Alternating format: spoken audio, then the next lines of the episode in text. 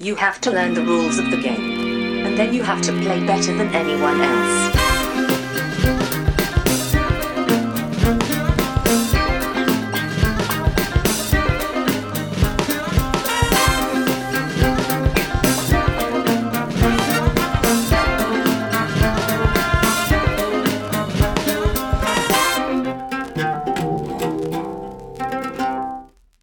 Hej och välkomna till Vems tur är det mellan turerna? Podcasten där vi pratar om spel. Jag heter Marcus Brisman, med mig har jag som vanligt min bästa vän och kollega, Topsy till min Wolf, Johan Järrud. Ja, Kommer du eh, ihåg Topsy och Nej, nej det gör jag Wolf? inte. Nu, jag, jag känner ju bara till liksom att det finns en, en pairing som heter så. Ja, de var i Lorry, den gamla Ja, eh, ja, tv-programmet. ja, ja, just det.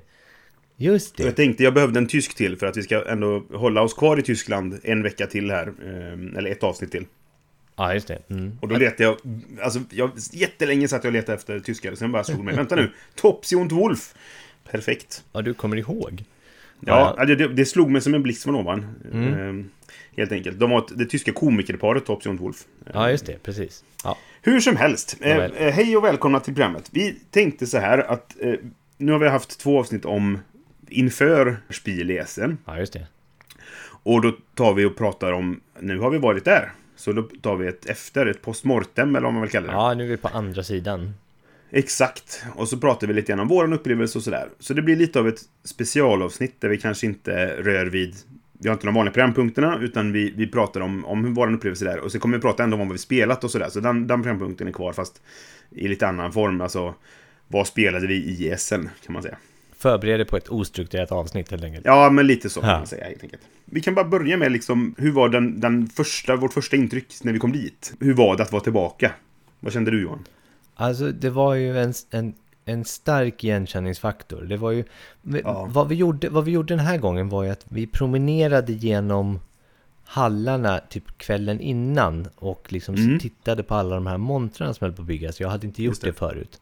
Och det var liksom så här, det ökade lite förväntningarna ännu mer. Vi var ju där nu en, en, en dag innan det öppnade för vi skulle gå på en pressträff.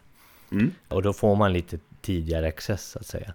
Så det ökade liksom förväntningarna ännu ett litet snäpp tyckte jag då. Alltså att eh, Mm. när man väl kom dit sen på torsdag morgonen då var det liksom Yes, it's back liksom. Ja. Jo, men det var verkligen det som var känslan. Jag håller med dig om det. Nej, så vi, vi började med att vi gick på... Eh, vi missade presskonferensen för att det tog för lång tid att få bilar och allt vad det var. Eh, och Ja. den var tydligen kortare än vad vi trodde också. Så att, Ja. eh, vi kom dit innan den var slut. Och då gick vi istället på den här pressvisningen. De har ett, ett speciellt rum då där de, de visar upp spel. Ja, precis. Och det är ganska mycket som är uppställt där nere. Man, Ja. kan, man kan få ganska bra överblick över ganska många spel. När vi kom dit så kändes det som att den hade, pågått ett tag, så vissa av, av dem som kunde liksom prata om spelen hade redan gått, om man säger så. Men väldigt många av utgivarna stod fortfarande kvar och kunde visa upp sitt spel och berätta om det och sådana saker. Det som man kanske kan göra i båset annars, men i mycket lugnare miljö, kan man säga. Ja, just det, precis. Och det var ju, och det var en ganska så att säga entusiastisk skala människor vi träffade Mm. där nere. Det var ju, alla ville ju liksom berätta om sitt spel. Ja, eftersom precis. att i, i, teorin är alla där nere då pressmänniskor. Och då hugger de ju nästan en som så här, ja, man går på en, en mässa helt enkelt och folk vill Ja, sälja precis. saker till en. Mhm. Eh, och det var ju roligt, man, man fick ju verkligen bra kontakt med dem för att man, nu säger jag inte att de inte är entusiastiska annars också på själva mässan, men nu är de ju inte distraherade på samma sätt. Nej, men precis. Så det var ju, man kunde ju ganska stå där och prata med en designer om, om den spel eller en utgivare eller sådär. Så det var, det var en, en väldigt kul upplevelse och särskilt då när vi hade haft, haft det här gapet på fyra år i mitt fall. Mm, ja men precis, för de, det, som du säger, de, de kan ta sig mer tid att, att eh, hinna prata med en. För det, det står inte någon annan som ska köpa ett spel precis bredvid liksom, och, och stampar sådär. Så Nej, det, det har du helt rätt i. Men så vi gick runt där nere och eh, nere säger jag för att det var liksom man tar en liten rulltrappa ner. Världens kortaste rulltrappa innan man kommer ner i en hall då som är till för det här. Och där nere finns alla spel uppsatta och, och man står och pratar om det sådär. Och så gick vi runt och letade. Vi hade ju en sån här lista på våra förväntade spel som vi pratade om Mm. ti- tidigare avsnitt. Och så försökte vi Just gå det. runt och hitta dem. Eller mest dem då. Man, man, det är ju såklart när spelen står uppställda sådär så då fångar ju andra spel ens blick också. Ja. Spel som man kanske inte hade tittat på från början. Nej men precis. Så det är också en så här kul grej att man liksom upptäcker, man får en chans till att upptäcka spel på mässan liksom. Mm, precis. Men, eh, men, men det det var några vi inte hittade tyckte jag. Som var så, eller jag tyckte att det var till förhållande till hur många spel det finns på den där mässan Mm. och hur många jag hade på min lista så var det förvånansvärt många som inte var där. Eller hade gått kanske, jag vet inte. Kanske, men alltså, jag, jag tror att de flesta tar inte med sina spel därifrån, utan har de satt upp dem där så, så ligger de kvar Mm. liksom. Och jag, jag vet inte vad det är som avgör ifall du är i det rummet eller inte. Alltså, vad, måste du betala extra för att få stå där? Måste du liksom sådär? Jag, jag vet inte vad, vad som är kriterierna liksom. För att det, det, det var ju väldigt många som inte var där. Sen var det nog många som, som fortfarande kanske var upptagna med att hålla på och bygga sina bås som är helt enkelt. Ja, precis. Och så är du publicist eller designer så är din eh, liksom stunden från att du kommer till, till staden Essen så är du nog ganska fullbokad av olika möten och olika grejer som folk du vill träffa liksom som Ja, då kanske du inte investerar jättemycket tid i just den där pressträffen för att du vill jaga nästa grej eller du har ett möte med någon som inte absolut kunde annars eller någonting sånt där. Så det, det förstår Nej, men man precis. kanske. Så är det ju. Ja, vi såg Friedemann Friese där nere. Han brukar ju stå där och, och visa upp sina egna spel och han syns ju för att han är grön. Just det. Eh, vi träffade Peter B. Hoffgard, som kanske inte alla känner till till namnet, men det finns den här sidan Tabletop eh, Together, som eh, vi pratade om, som gör preview-listan. Eller en av dem som gör preview-listan helt enkelt. Det är han som har den sidan. Just det. Och han har ju nu, dessutom då gjort ett spel som heter Starship Captains som eh, är utgivet av CG. Så han stod där och demade det. Eller demade det gjorde han inte, han visade upp det helt enkelt. Och vi fick en liten regelgenomgång. Vilket var kul för att jag såg det här spelet, det var ju i och för sig bara en prototyp då, men jag såg det när jag var på eh, Asmodee eh, Retail Lace. Och då var jag inte alls imponerad av det. På den beskrivningen jag fick då, liksom.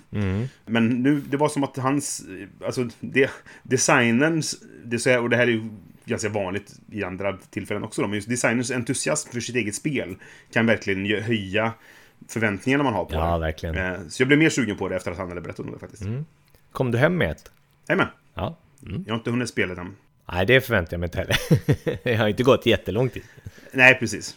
Och vi sprang på Dave Lusa, som har ju sin eh, Pop and the Bar, där han eh, dricker en läsk från ett annat land och äter en chokladbit, eller en, en någon sorts godis från ett annat land. Så jag gav honom en eh, plopp och en eh, Trocadero. Så får vi se ifall han kommer att ha med det i något eh, framtida eh, Pop and the Bar då. Ja, det är bra.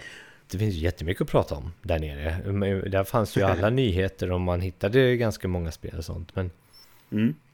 Jag, jag, jag måste bara nämna det, det absolut konstigaste som hände var de stora Uno-korten som gick runt. Just det. Och ville sälja på oss en version av Uno som kallades typ Kaos-Uno där varje kort var en joker. Ja, just det. Och då- Uno Extreme tror jag det heter. Och då tänkte jag, vad gör de här? Ja, jag vet inte. Alltså... Så det är högt och lågt där nere kan jag säga. Ja, det är det. Det är det högt verkligen. och lågt. Men samtidigt så- är det ju också riktiga, riktiga, det låter lite fel. Vi är ju entusiastiska speljournalister, men, men så här, Mm. typ, det, det är ju tv-team där nere också som gör intervjuer Ja, ja, med de precis. senaste, på tyska såklart, med de Mm. största speltillverkarna och sådär eh, som pågår. Så finns det lite sådana här escape rooms som de har byggt upp eh, just för att ja, liksom illustrera att eh, ett spel kan visst vara ett escape room. Ja, lite andra iakttagelser var det var någon som hade gjort en kortlek med så här kontemporära motiv. Där alla korten var typ så här människor som var klädda i vardagsklädsel. Ja. Och förvånansvärt mycket fotbollsinspirerade spel. ja, det var det faktiskt. Det stämmer. Ja, men det var väl typ Ja. eh, lite random intryck från den där, eh, från just den Mm. där lilla presshörnan så att säga, som inte är så jätteliten. Men, men Nej, men precis. i förhållande till resten av mässan. Jag tycker det är lite roligt för att den, är den fortsätter ju vara där och är öppen. Så att om du är press eller utställare antar jag så får du gå ner där sen. Men det står alltid en eller två vakter och stoppar folk. Det här är precis vid en av de stora toaletterna. Som Just är vid en av ingångarna liksom. Så det, de, de, de vakterna har nog mest att göra på hela mässan. För de måste nog stå och stoppa folk hela dagarna. Nej, du får inte gå ner där. Ja, precis. "Men är det inte en halv till där nere? Nej. Och så liksom måste de förklara sådär. Så jag, jag förstår inte varför de inte bara stänger av för där eller någonting. Och så får de öppna ifall det är någon som vill ner. Jag vet inte. Men ja, eh, det känns som det är så här retande för dem som, som inte får vara där liksom. Ja, precis. Eh, De här vakterna är ju oftast, de får i alla fall vara, eller den den här vakten som vi pratar om nu, han får i alla fall vara, eller hon får i alla fall vara i inomhus i mässan då. De flesta vakterna som vi går förbi, de sitter ju på en stol och vaktar någon slags garagenedgång. Och, ja, precis. Och Mm. har allt annat än roligt ser det ut som. De kunde ju varit uppe i mässan, tycker jag. Ja, men precis. Det beror kanske på hur spelintresserade de är. Ja, men ja. Jo, det är såklart. Men man vill gärna komma dit med en kopp kaffe till dem i alla fall. För de ser så himla uttråkade ut. Ja, verkligen. Sitter och kollar på YouTube på sin telefon typ.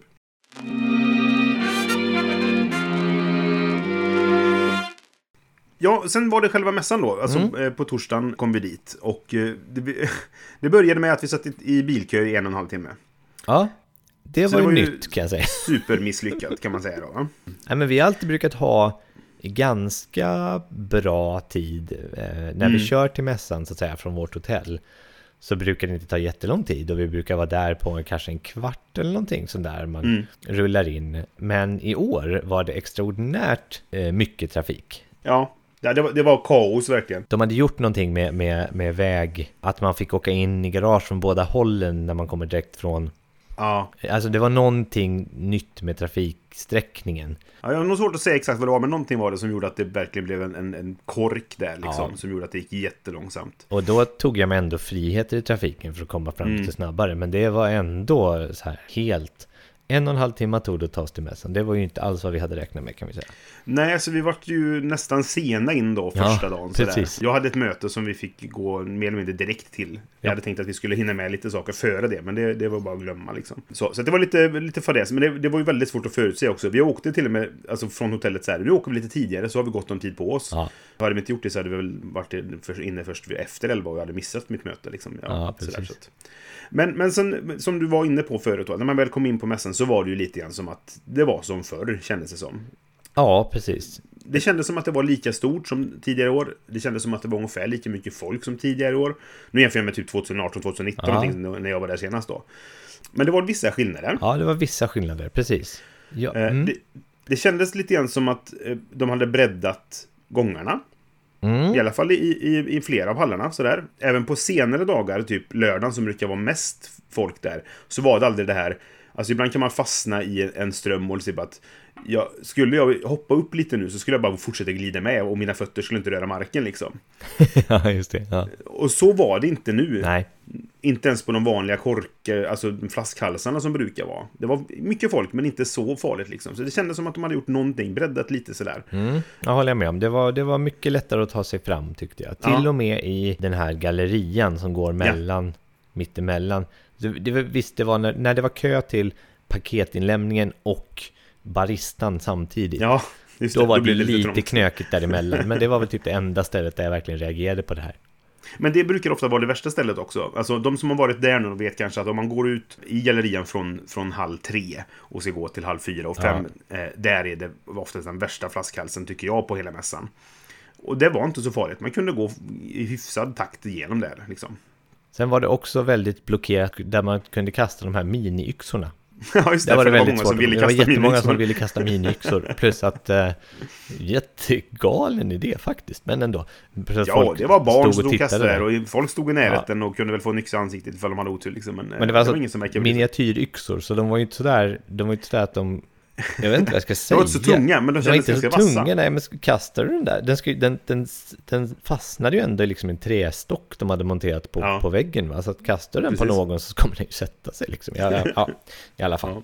Inte ens ett nät var det. Ja, ja, nu, nu, nu, det, det är inte därför vi är här, men det var lite märkligt. eh, spel, var lite märkligt var det. Ja, Vi reflekterar över att det här, det brukar ju vara som, jag tror, jag kommer inte ihåg ifall jag nämnde det i, när vi pratade om inför då, men det brukar vara det här eh, comic action. just det. Mm. Och det verkar inte vara längre. Nej, det var inga comic... Och då, det är alltså en, en serietidningsavdelning av mässan. Det brukar vara en Mm. halvhall eller någonting sånt. Ja. Där jag antar, eh, alltså både second hand-shoppar och förlag kommer och liksom eh, ställer ut sina serier och säljer serier och finns det Mm. även en så här panel, ja det brukar vara där, där, där serietecknare kan sitta och, och rita och signera och grejer. Ja, Och, precis. eh, men det, var, det fanns det inte en, eh, ett spår av i år. Nej, det var helt borta. Och min fundering ifall det har med att göra att, att Spielwarenmesse köpte upp Merts förlag då. Mm. Och, och tyckte att det här skippar vi nu. För att jag tyckte också det var väldigt mycket mindre live-grejer. Ja, det var det. livebås och sånt. Men det kändes ändå för att nu, jag tror att eh, hall 6 kanske var lite mindre. För de, det var ena änden på den var kapad liksom och var en stor öppen yta bakom en vägg liksom. Ja.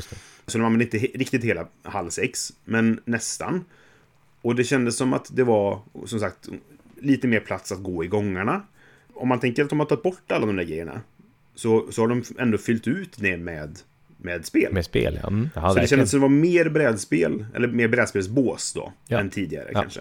Ja. Så det kändes ungefär som vanligt, fast mindre serier. Ja, precis, exakt.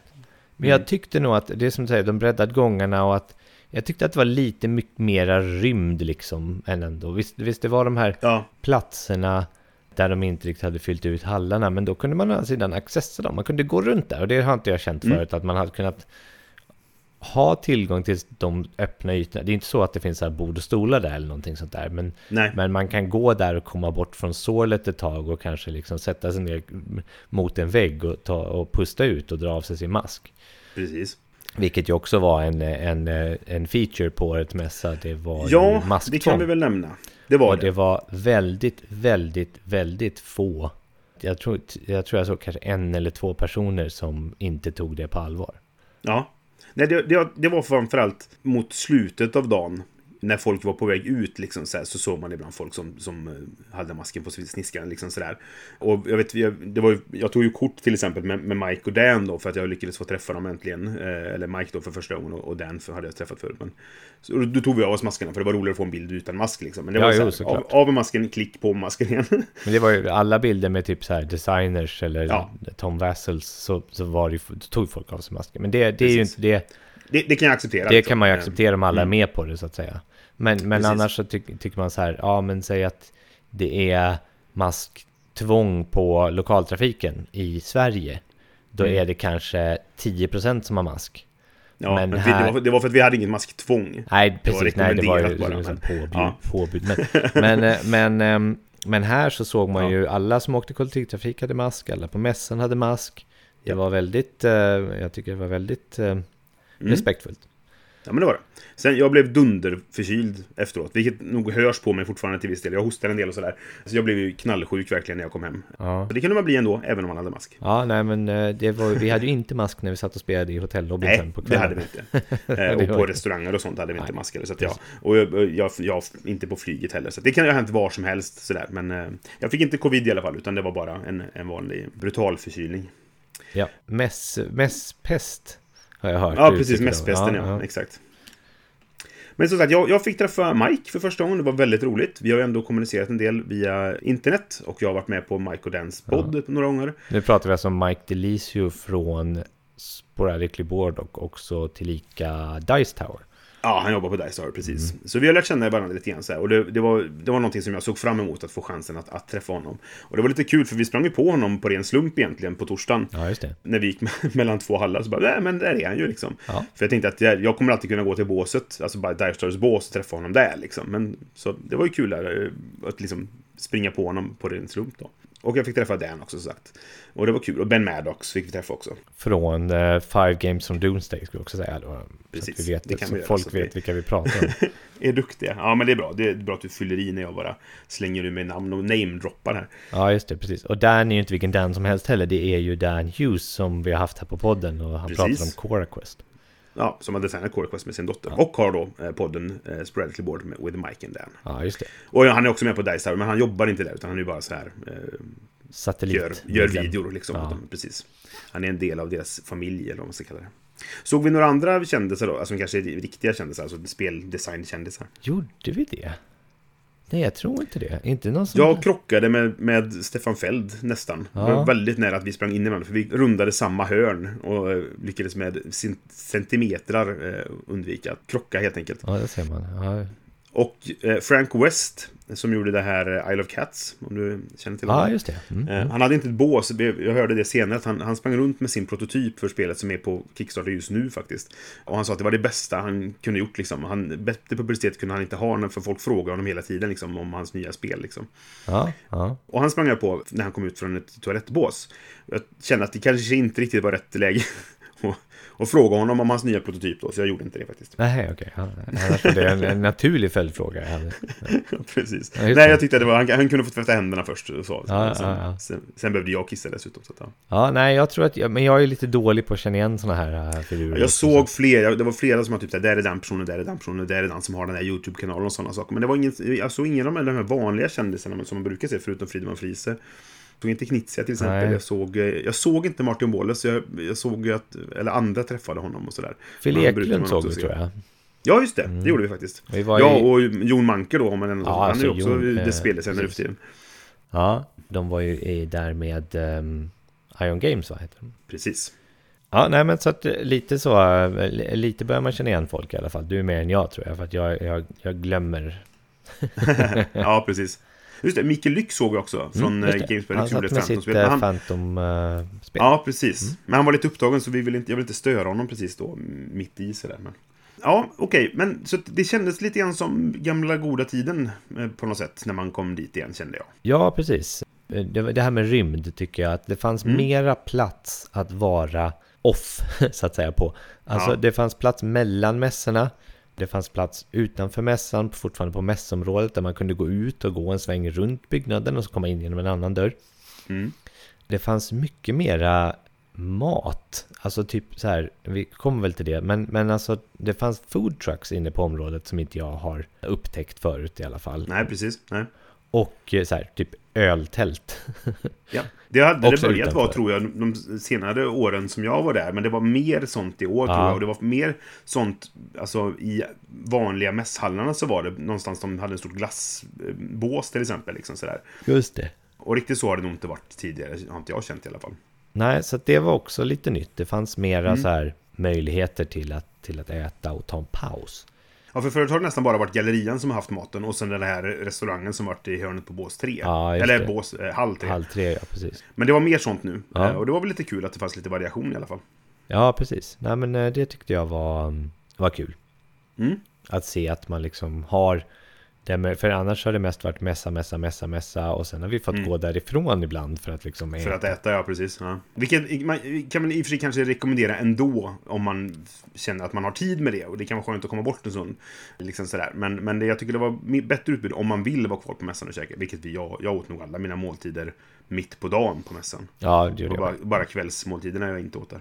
Sen tyckte jag att jag, jag upplevde en viss, liksom ett skifte i vilka utgivare som hade bås i de stora hallarna så att säga. Eller vissa som tidigare har varit i kanske hall 1, 2 och 3 som väl är de, de största bolagen brukar vara där. Alltså Asmodee och, och de här jättarna brukar ju Ja, vara där. precis. Och, och, och um, Ravensburger och uh, Hansim Glück och ehm, Cosmos. Cosmos, ja precis. Och de, så här, de brukar vara i trean framförallt och kanske även en del, en del i ettan då. Ja. Och det tyckte jag att det var mycket fler, lite mindre utgivare som hade lyckats komma in där också. Devir till exempel var i trean och Aporta Games var i trean som inte har varit där tidigare. Ja, just det. Medan lite halv... För tidigare halvstora bolag hade blivit förpassade inom citationstecken då till, till halv fem och sex kanske då? Men jag tror också att just att man hade expanderat och ägnat sig bara åt spel och dessutom Mm. öppnat ingångar från baksidan så att säga, bakom hall 6. Så tror jag att det kanske inte spelar så jättestor roll med placering Nej. längre. Frågan är ifall inte... För att, eh, i, bakom hall 6, där är hall 7 som var tom, men ändå öppen. Ja. Och så finns det väl en hall 8 också, som jag tror de använder som insläppsområde på något sätt. Jag vet inte exakt. Men det, det, det, det är i alla fall, det finns tre stora ingångar nu. En i trean, en i ettan och en i, i sjuan då, så att säga. Va? Just det. Så det är från tre håll. Ettan och, och trean de är ganska nära varandra. Och sen är den andra sjuan i hela, alltså verkligen andra änden på, på det. Så jag tror att de, de hallarna som du kom först in i, det var sexan, ettan och trean, som du säger. Mm. Så det var nog inte helt dåligt att vara i halv sex heller. Sådär. Nej, Men det, det, är ändå, precis. det kändes Nej. lite som lite skillnad. Sex, halv sex är ändå den där det är lite udda saker. Det, var det, fanns det live-grejer överhuvudtaget så var det typ där. Ja, och de små båsen, det var väldigt mycket små bås Och det var, den, det var den man kom till sist. Ja, vi gjorde det för vi parkerade ju ov- ovanför, säger jag nu. Vi parkerade under trean. Nej, men alltså normalt sett eh, innan, innan, innan Ja, ja nu. precis. Förut ja. Ja, Ja. precis. Mm.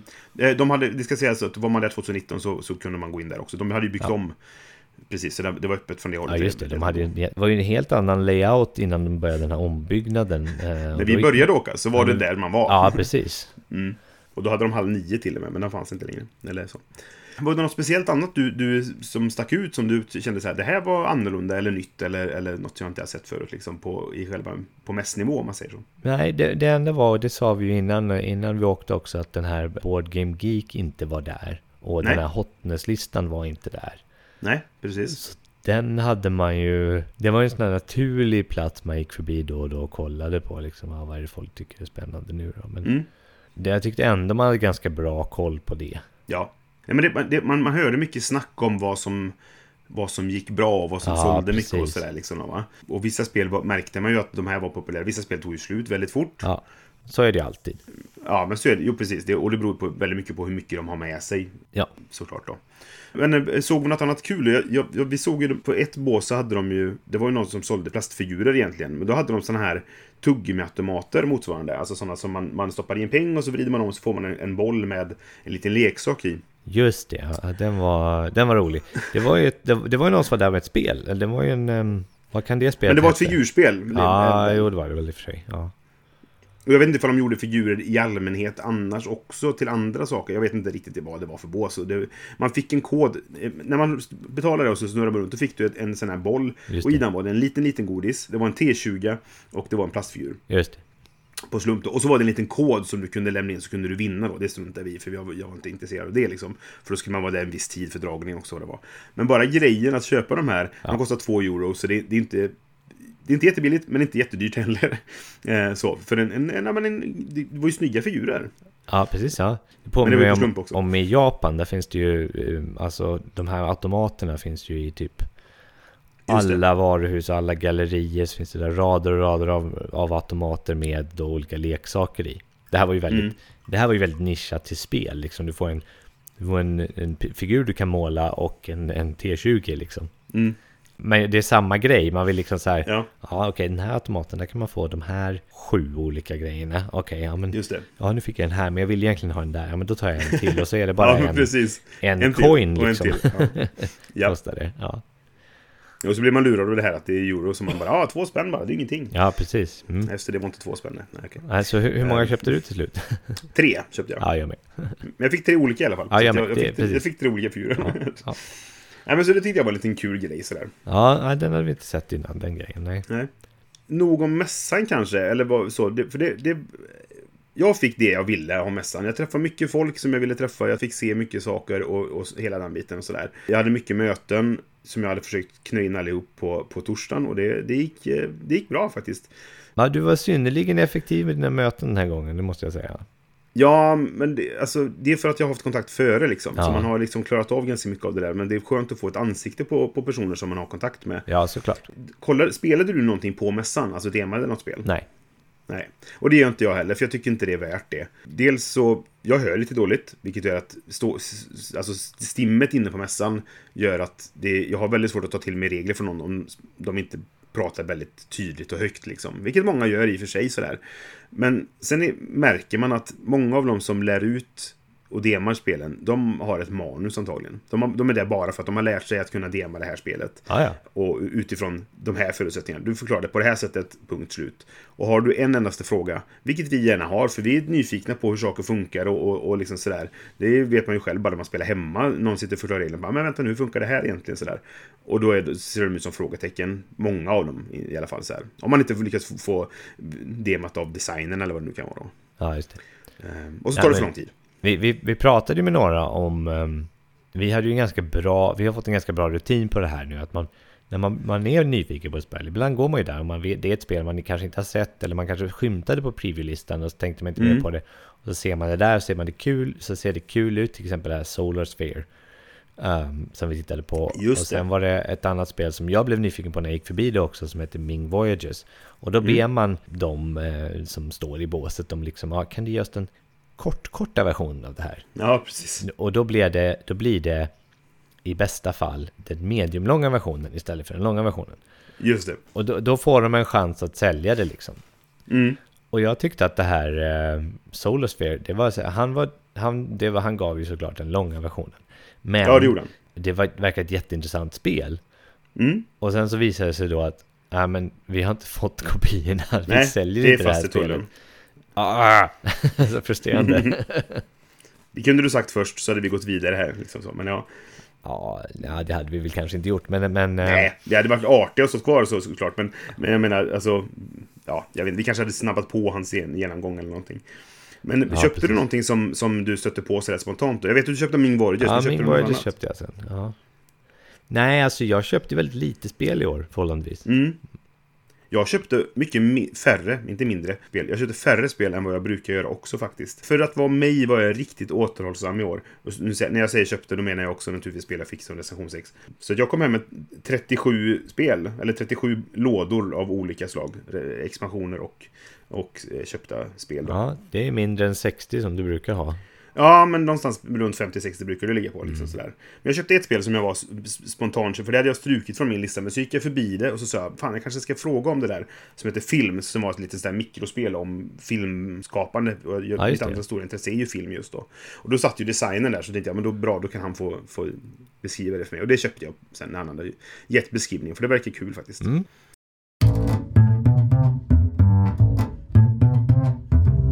Innan vi går in på vad vi, vad vi spelat, för vi pratade lite grann om vad vi spelade på hotellet på kvällen och sådana saker. Ja. Så, så är det så här, när man reser då handlar det oftast om mat. Folk, man vill äta god mat eller sådär. Så så vi kan prata, vad, vad åt vi egentligen på mässan? Jag vet inte om det handlar oftast om mat, men mat För är för många människor gör det som man måste ha i sig för Ja. att kunna funka. Speciellt om man ska gå en mässa hela dagen. Så är det för mig ofta. Sådär, jag, jag hatar ju att laga mat till exempel. För, för det handlar också ofta om att bara få i sig födoämnen. Men gäller att äta gör jag, det ser man på mig. Men, eh, men i vilket fall, det- men för många så handlar resande om mat och matkultur. Liksom, sådär. Så det, det kanske är någon som är intresserad av att höra vad vi, vad vi åt och så vidare. Och det roliga är väl att vi, det var inget speciellt. Vi, vi hade inga speciella kulinariska upplevelser. Jag, nu vill jag inte bli en lekman på området, men jag vågar Mm. hävda att ska man äta typ så här gourmetmat så åker man väl inte till Tyskland i första hand.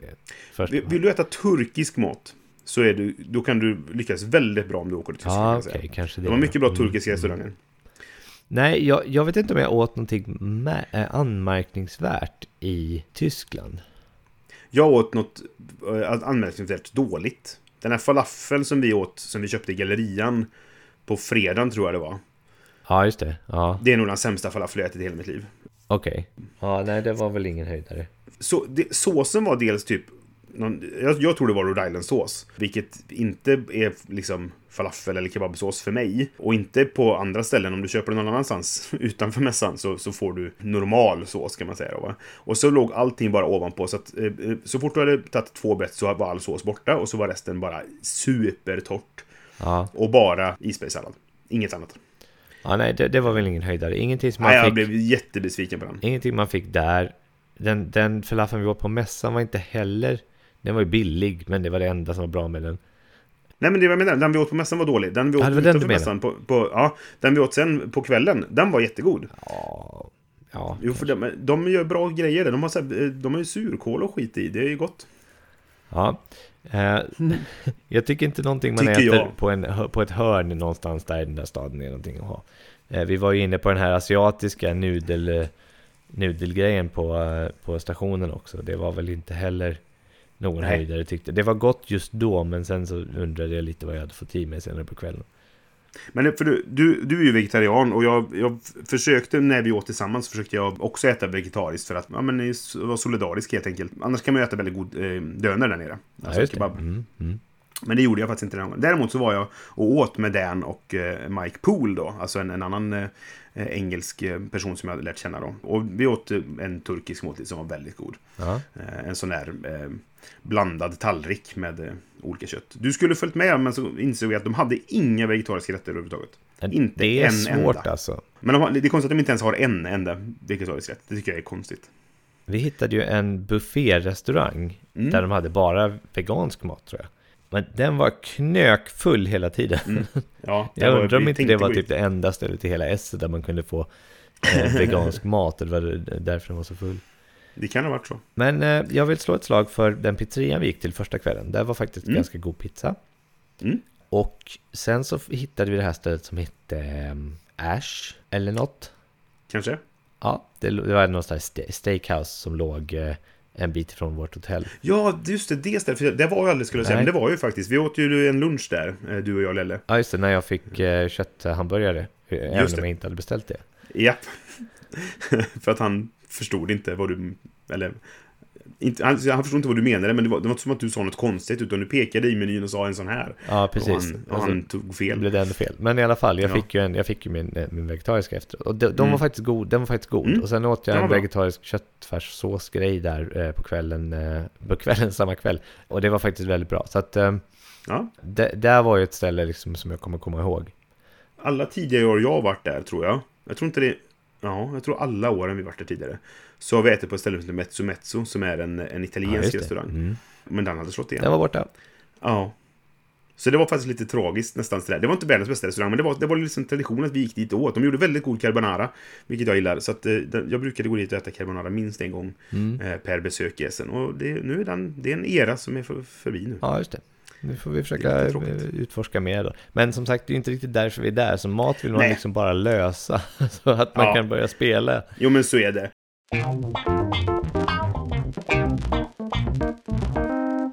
Så, ja, precis. Spela. Vad har vi spelat helt enkelt? Jag, jag, jag brukar inte spela jättemycket på hotellen, kanske sådär. Och jag, det gjorde jag inte den här gången heller. Det ser ut som att jag inte spelar någonting på fredagen. Nej, för då var jag ute och käkade med eh, Dan, ja, just det.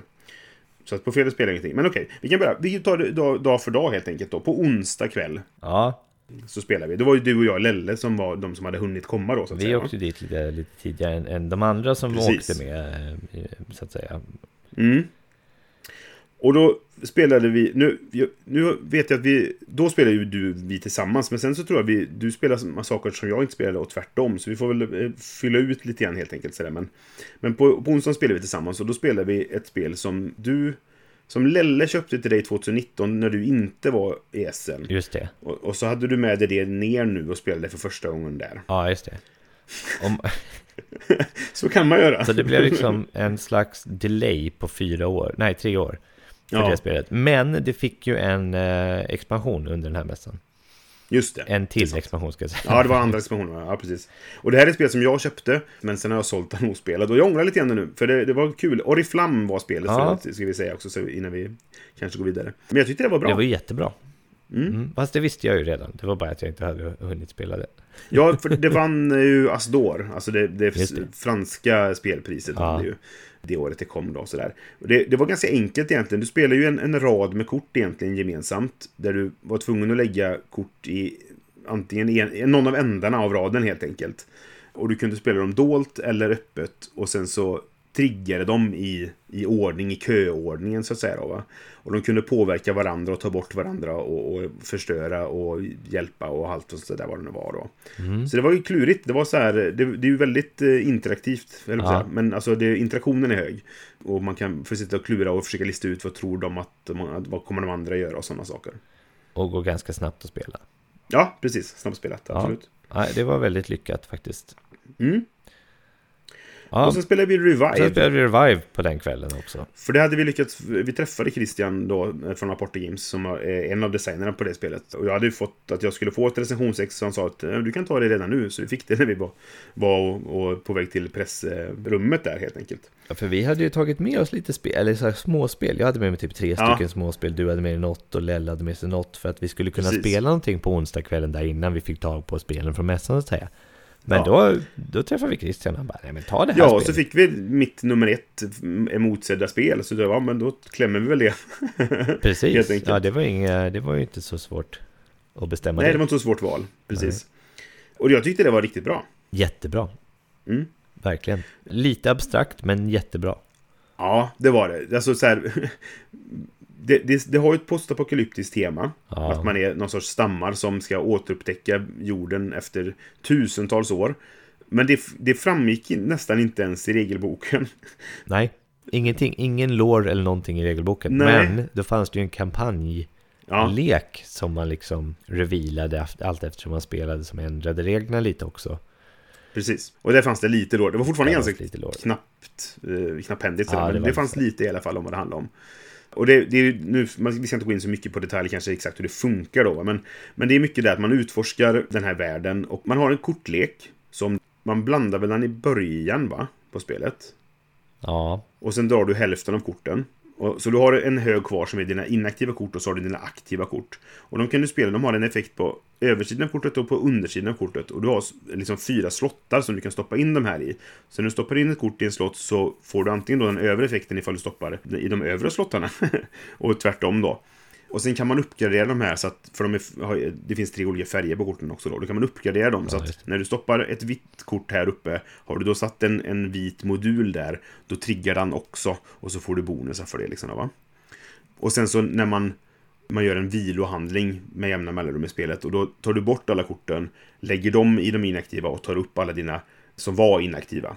Så man blandar Just. liksom inte leken efter ett tag, utan du har ganska stor kontroll på vad du har när. Och det finns till och med handlingar som gör att man kan stoppa tillbaka kort så man vet att man får dem nästa gång också. Och sånt, liksom. ja. Men jag tyckte det var Men det var bra. ju väldigt bra Mm. faktiskt. Du, du Eh, spöar ju oss, ja. eh, mig och Lelle, med hästlängder verkligen. Gjorde jag det? Ja, du, du hade mer, dubbelt så mycket poäng som Lelle i alla fall. Jag var Ja, ganska långt efter dig, men i alla fall. Så du, du vann stort där. Men jag Ja, tyckte det var nej, riktigt det kul och jag ser fram emot att spela det igen. Så jag är lite så här biased då, då. Jag har ju lite så här i, eh, Ja, winners bias, eh, helt klart. winners Mm. bias kan precis det på vara. det spelet. Mm. Ja, nej, men så det var, det var ett bra spel. Torsdag då, då spelar jag bara två spel. För att jag tror Ja. att jag var så upptagen med annat och vi skulle käka och allt vad det var. Så det, det blev inte så mycket spelat där helt enkelt. Nej, det blev, men torsdag var också vår mest intensiva Ja. dag. Då spenderade vi den mesta tiden på mässan Precis, också. jag var, ja, vi var där sent på mässan och jag var ganska trött Ja. Mm. när vi kom tillbaka. Men vi spelade Precis. fika, du och jag. Ja, det gjorde vi. Mm. Och det var ju det här spelet som vi i förhand var intresserade av för att det handlar just om svensk fikakultur, men är gjort av en tysk. Ja, Eh. eller gör det det? Nej, jag, jag, ja, det handlar om det. Temat är det fortfarande. ja, Sen är det inte så, eh, alltså mekaniken och det tematiska går inte ihop riktigt. Det, det som jag tyckte var kul var, för vad, vad det är egentligen, det, det är en liten kortlek som består av 18 kort, så det är ett sånt microgame-nivå liksom, och så är det några extra markörkort till det. Och den är uppdelad i tre färger och består av, av drycker och typiska bakverk då. Men, och det hade de researchat ganska väl. Han, Ja. För vi, vi skojar med honom och sa att liksom ja, men det här är ju sådär cultural appropriation då, att du, du tar vårt kulturarv. Och så här, bara, nej, nej, nej, alltså vi hade en konsult inne på detta. Vi, vi gör det Ja, med allra precis. största Ja. respekt. Så, vi skojar ju naturligtvis så, så, men de hade verkligen haft in en, en, en kulturell expert då, som hade kunnat säga liksom att ja, nej, men man äter de här typerna av bakverken och sånt. Och bakverken var, hade då svenska namn. Ja, Vilket är så här, det, det är inte speciellt alls egentligen om det är från Sverige. Men jag tycker det är kul att ett tyskt spel där allting annat, eller det, det, det fanns ju en tysk utgåva och en engelsk utgåva då. Så att allting på korten, effekten och sånt är på engelska. Men så står det prinsesstårta och kanelbulle liksom. Ja, precis. Men det var ju, det var ju helt abstrakt å andra sidan vad, Mm. vad de gjorde och så här. Och själva temat var ju typ så här att ja, du har ett fik på ena sidan gatan och din motspelare har ett fik på andra sidan Ja. gatan. Det var två spelarspel. Just det. Och ni ska ha bäst fik genom att spela ut de här sakerna Ja. i, olika, i olika slots i er butik. Precis, man hade, man hade egentligen Ja. fem slots och så spelar man kort där ett, man spelar kort samtidigt, så man tog varsitt kort och så la man ut dem samtidigt. Och så skulle man helt enkelt scora genom hur de var placerade i förhållande till varandra på olika sätt. Varje kort hade ett scoringsätt helt enkelt. Ja, det. Det man skulle göra var att den som hade mest poäng då per dag fick äh, drickset för den dagen. Och så var det först, Så första till två dricks av tre då. Ja, Liksom, sådär. Så nej, eh, te temat är, var, är väl helt ovidkommande egentligen. Så, men men Ja. lite kul tema. Jag tyckte spelet var... Jag, nu har väl jag winners bias då för att jag vann eh, över dig där. Men, men jag, jag just tyckte det. det var ganska klurigt eh, på ett kul sätt ändå. Sådär. Inte något världsomvälvande sådär speldesign. Men lite smart. För att, och det är ett väldigt litet spel. Lätt om jag säger. Lätt att spela på ett litet café Ja. till exempel. Ja. ja, jag tyckte att eh, jag tyckte det var ganska tråkigt. Mm, jag förstod det. Men jag kanske har losers bias då. Men, nej, men jag, jag tyckte så här att ja, men det, var, det var alldeles för få kombinationer som var bra. Mm. För att man skulle... Jag tror att om man spelar det där fem gånger så kommer man göra på exakt samma sätt. Kanske. Sen handlar, det bara, han, sen handlar det bara om att gissa vart motståndaren lägger sitt kort. Mm. För att är det så här, typ, lägger han sitt kort eller hon sitt kort där, då kommer jag lägga det här kortet här. Mm. Och, och, och så alltså blir det så liksom. Så att eh, det var liksom ingenting, det fanns inget vidare strategiskt djup i det vad jag, vad jag tyckte. Utan det var bara- bara liksom känna, känna till korten och taktik. Ja. Och då blir det som vilket annat spel som helst i samma kategori. Så jag, jag tyckte, jag blev inte jätteimponerad av det. Okej. Jag vet inte riktigt om jag håller med dig om det. För det finns... Man har fem kort på handen. Och så finns det en marknad med fyra kort. Och så finns det två eh, diskardade kort egentligen. Och det finns flera kort som gör att du får ta kort från marknaden och sådana saker. Så man kan även eh, halvvägs igenom en, en runda påverka vad du har för någonting och försöka byta ut till någonting för att möta en taktik som den andra spelaren hade. Men det, du har en poäng med att i slutändan så kanske det ändå handlar om vem spelade det bästa sista kortet? För det kanske påverkade så mycket av det andra som hände. Det var vid något tillfälle som du spelade någonting och förstörde fullständigt för mig. Men det jag spelade återställde det. Och så vann jag den gången bara för att jag kunde det. nollställa det du hade gjort helt enkelt på din runda. Liksom. Och det var ju bara flax att jag lyckades spela precis det jag behövde där. Egentligen då. Jag hade i och för sig se- förutsett att jag ville ha ett kort kvar som gör att jag kunde flytta i slutet. Men ändå, jag vet inte. Jag tyckte det var lite smart i alla fall. eh, För att, Ja, för att vara ja. så li, ett litet enkelt kortspel liksom. Ja, jag, jag bestämde att jag behövde inte det i mitt liv. Nej. Men, eh, men man kan ju ändå uppskatta att, okej, så jag kan göra det här. Att det, för att vara för att vara så litet så gick det mycket tanke i det och det var ganska streamlinat. Jag tyckte det var, det, det var ganska mycket spel i liten låda, som eh, vi pratade om tidigare. Jag tyckte nog att det var exakt så mycket spel i den lådan som man skulle kunna förvänta Okej. sig att det var. Det är bra. Ja. Sen spelade vi Comic Hunters. Ja, Och det hade jag som inte spelat... alls var ett mässpel, det var ju bara Nej, jag hade med mig det för att det, det var, fanns önskemål att spela det med, från folk som... Och sen spelade jag inte med dem för att, eh, ja, i vilket fall. Ben Maddox ville spela det och sen så var han eh, Ben Maddox och helt enkelt inte dök upp. Ja, just det. Men du och jag och eh, Oskar spelade. Just det. Och det är ju Och jätteroligt. det var ju ett av de bästa spelen jag spelade där nere. Ja, jag tycker det är fantastiskt bra verkligen. Ja, det är faktiskt jättebra. Jag tycker det är synd att inte fler kan ha tillgång till det. Jag, jag fick ett, ett, ett Board Game Geek-meddelande från en dansk som sa Jag såg att du hade detta, jag kan tänka mig att köpa för det, du får jättemycket pengar för det. Ja, just det. Och jag bara, ja, okej. Men jag hörde ett rykte av någon som inte kanske kan nämna vid namn då, för att det, det, är bara ett rykte. Men jag, det är ju ganska eh, uttalat att Arcane Wonders kommer ge ut det här spelet. De har, har köpt liksom rättigheterna till att ge ut spelet. Just det. Och ryktet säger nu då att de även faktiskt har fått Marvel-licensen. Så att, eh, eller fått, de har köpt Marvel-licensen.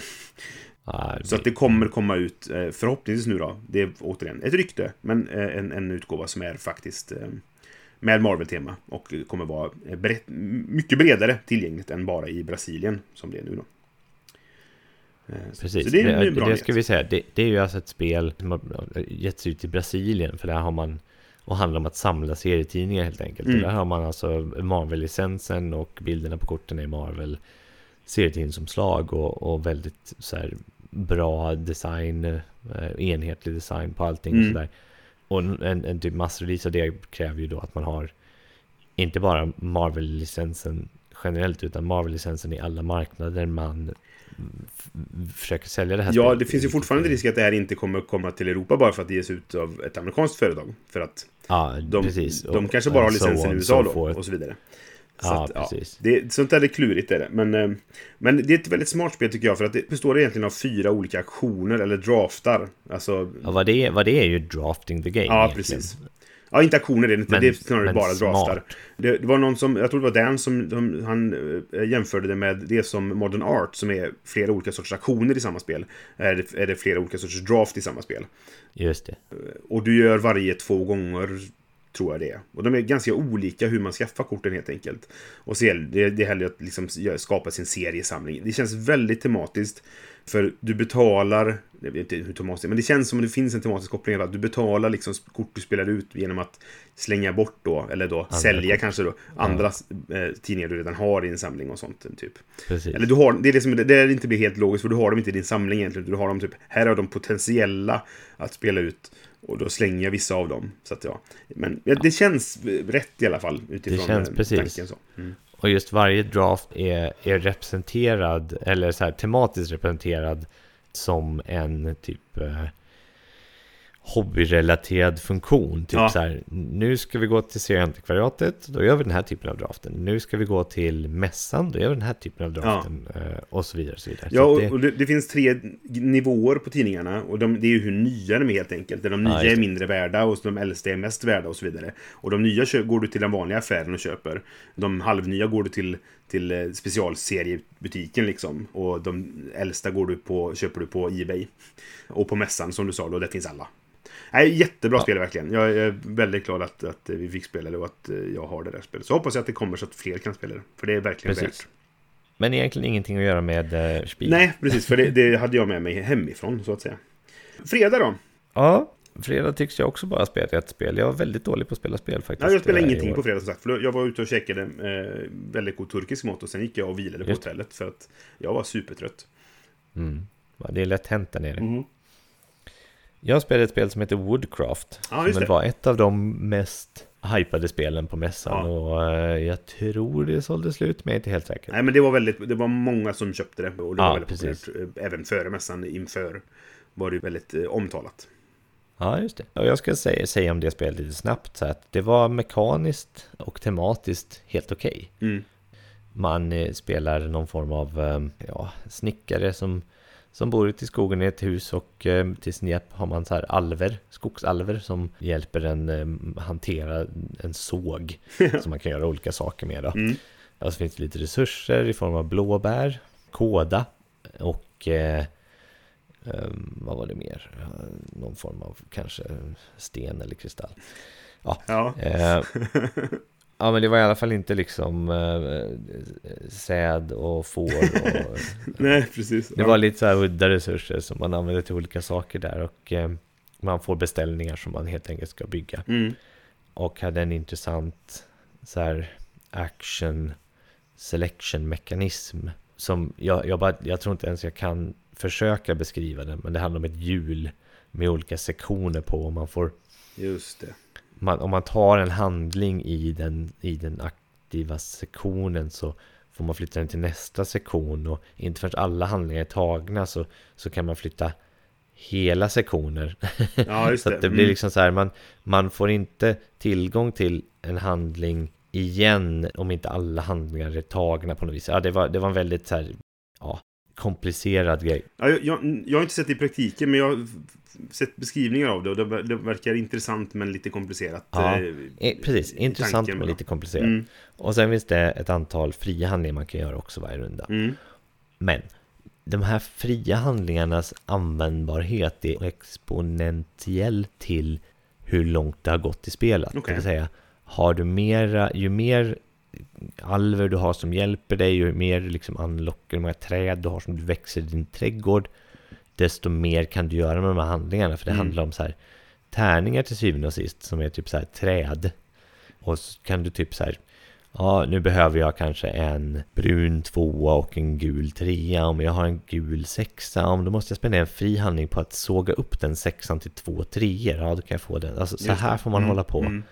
Och, och ju mer, ju längre man spelar spelet, ju mer betyder de där handlingarna och ju mer kan man göra med de där handlingarna. Så Just det. eh, då blir det liksom att du gör inte bara din stora handling, utan sen gör du ett, ett, en myriad av små handlingar. Mm.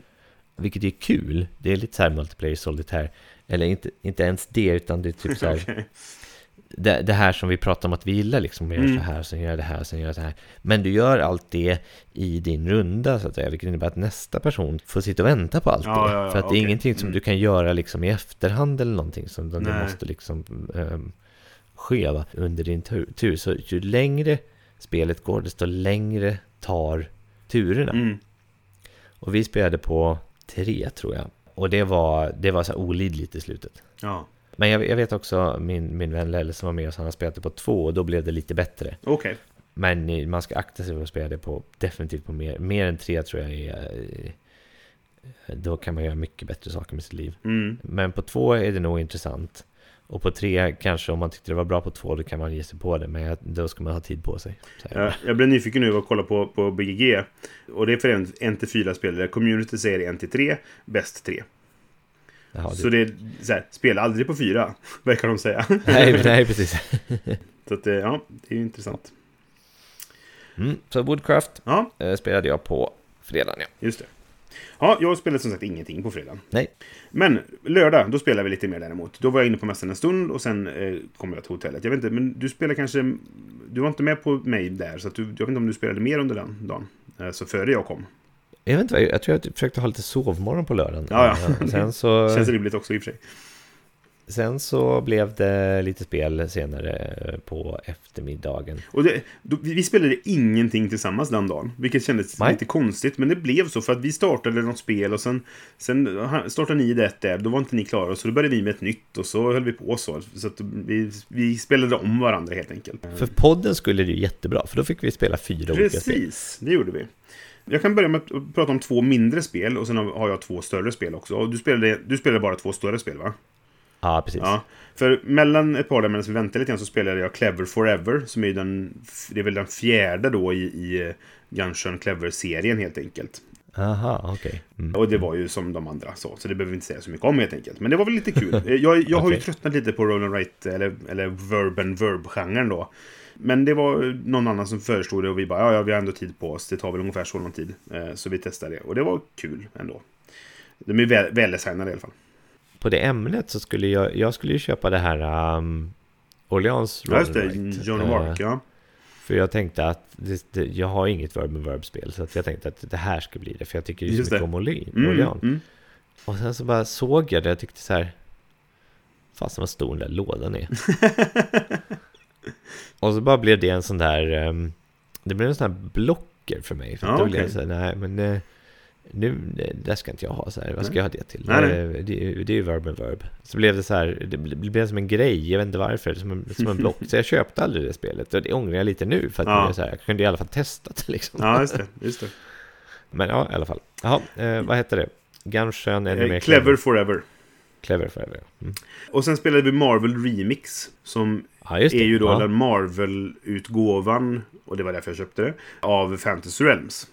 Det. Så har man spelat Fantasy Realms så känner man igen sig här helt enkelt då. Men det är Marvel istället. Lite Det regelskillnader. Mycket Marvel nu alltså. Ja, det är mycket Marvel nu. Ja. Eh, De har ändrat lite igen. De har lagt till en, en det finns en, en lek med villains och en lek med andra kort. Och de andra korten är väl typ det som motsvarar ungefär då Fantasy Realms. Och så har du en lek med villains också. Och för att kunna... Eh, I slutet på spelet så måste du ha minst en villain, minst en hjälte eller sidekick. Eller, det heter inte sidekick, men typ helper eller alltså... Ally heter det. Och har du inte det så kan du, då får du noll poäng. Oavsett vad du gör. Liksom, sådär. Men det är den enda twisten egentligen. Sen är det ganska vanligt. Sådär. Och de har lagt till också att du har ikoner som är ganska vanligt. Väldigt mycket saker trias av ikoner.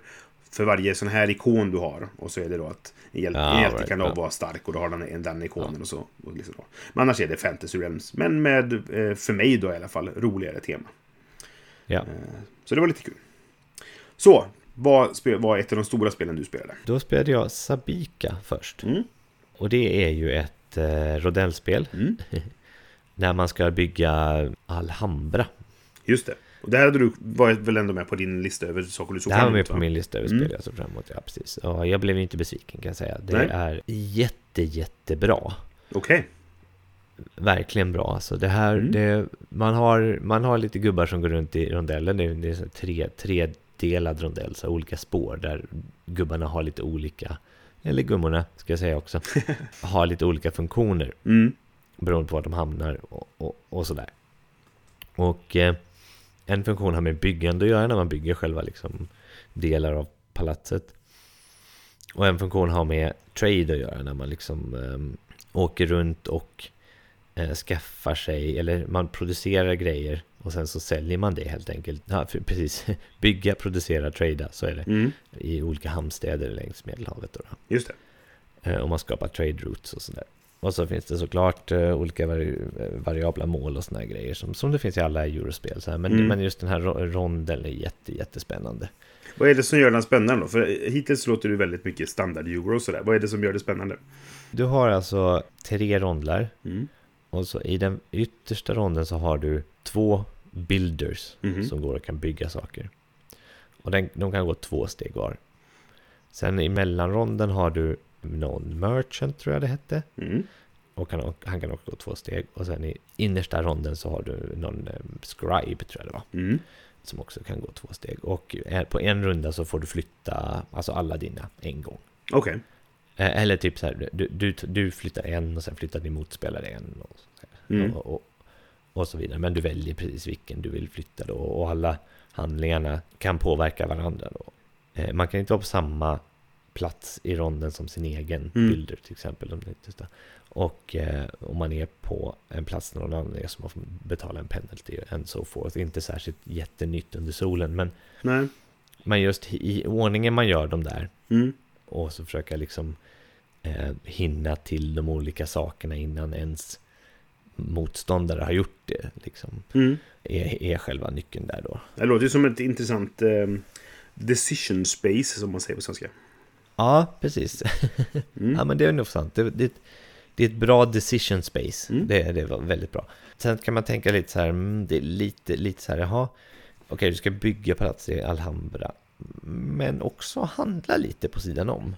Okej. Producera, det är så här, men man tänker på det så här, varför går det den här vägen liksom? Mm. Varför är det typ två tredjedelar av spelbordet palatset och sen en tredjedel är en här abstrakt handelsmekanik när man ska liksom eh, åka och handla grejer. Så här. Det kunde varit precis vad som helst annat, Mhm, mm. känns det som. Men, men det, kanske, det kanske har någon form av så konceptuell betydelse att man hade typ Alhambra var ett, ett, ett handelscentrum eller någonting sånt där. Ja, ja. Det vet jag inte. Men jag tyckte det var jätteroligt. Okej. Jättebra Ja. spel. Verkligen. Kul. Det är roligt när ett spel man ser fram emot visar sig vara eh, precis så bra som man hoppas. Ja, precis. Och det var det verkligen. Mm. Kul! Jag spelade eh, Tiletum. Eller hur det nu Ja. uttalas. Och det här var ett av de som jag såg fram emot eh, ganska mycket. mycket. Det var inte på min, min topp 5 då, men det var på den här extra, extra 5 som vi hade. Ja, bubblan ja. Mm, Precis. Och mycket för, för liksom eh, actionmekanismen, alltså eh, hur man väljer då. För att du har en, en cirkel med, med siffror som visar valörer på tärningar helt enkelt. Och du slår tärningarna och sen stoppar du dem på rätt ställe. Så alla tre är på samma ställe, alla fyra är på samma ställe och så vidare. Då, va? Och de är kopplade då till en viss handling.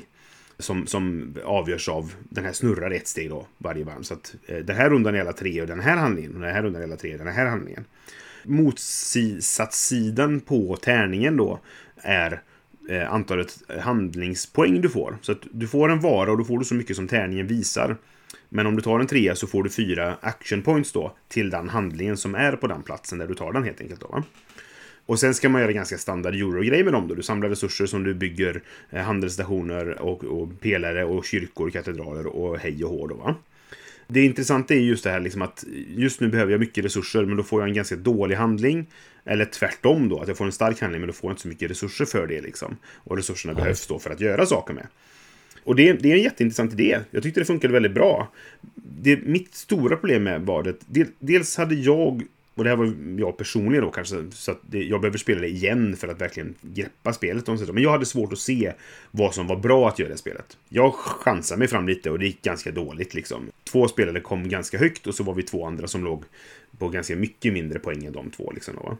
Det var nog först efter liksom, ja, men drygt halva spelet som jag kunde se Okej, jag har gått fel väg. Eller jag skulle inte Ja. spritta mig så mycket. Jag skulle koncentrera mig på en sak till exempel. Eller vad det nu kan ha varit då. Och sen var väl den stora nackdelen då att i och med att de andra spelarna som är för dig tar ju, eller så, beroende på vart man är i rundan då, men de, folk tar saker från de här tärningarna helt enkelt. Eh, och du ska ta tre tärningar per runda och det är fyra rundor. Du kan nästan inte planera alls vad du ska göra på din tur. För att Nej, risken är att någon tar det du hade tänkt ta liksom. Så det blir väldigt mycket downtime, så man kan göra ganska mycket saker på sin tur beroende på det, är mycket, det finns fria actions och sånt. Och så man kan göra så här och då får jag den här grejen och då kan jag göra så här sen och så vidare. Sånt där. Som är oftast är kul, men det blir liksom väldigt mycket väntan. Det, det var nog ett av de liksom mest väntanspelen jag spelade och du kan liksom inte på din tur fundera ut då vad vill jag göra sen. Du kan försöka ha ja. reserver. att Typ, ja, Det men, är den värsta sortens Ja, men precis. För finns den, den här tärningen kvar, då vill jag göra detta då. Finns inte den, då kan jag ta den här istället. Men om båda då, de två försvinner, för att det är tre andra spelare som ska ta liksom då, va? Så då bara, jaha, vad gör jag nu då? Så, här, så det, och då, då tog det lång tid för folk att fundera, för att jag hade tagit det de skulle ta, och så fick man vänta på deras, att de skulle räkna ut sin tur också då, så där liksom då, va? Så att, eh, ja, jag är inte helt såld på det hittills kan jag säga Nej. Jag tyckte att det, det är nog bättre än vad jag upplevde det vid min första upplevelse. Så jag behöver spela det igen helt enkelt. Men, men eh, första upplevelsen var sådär kan jag säga. Ja.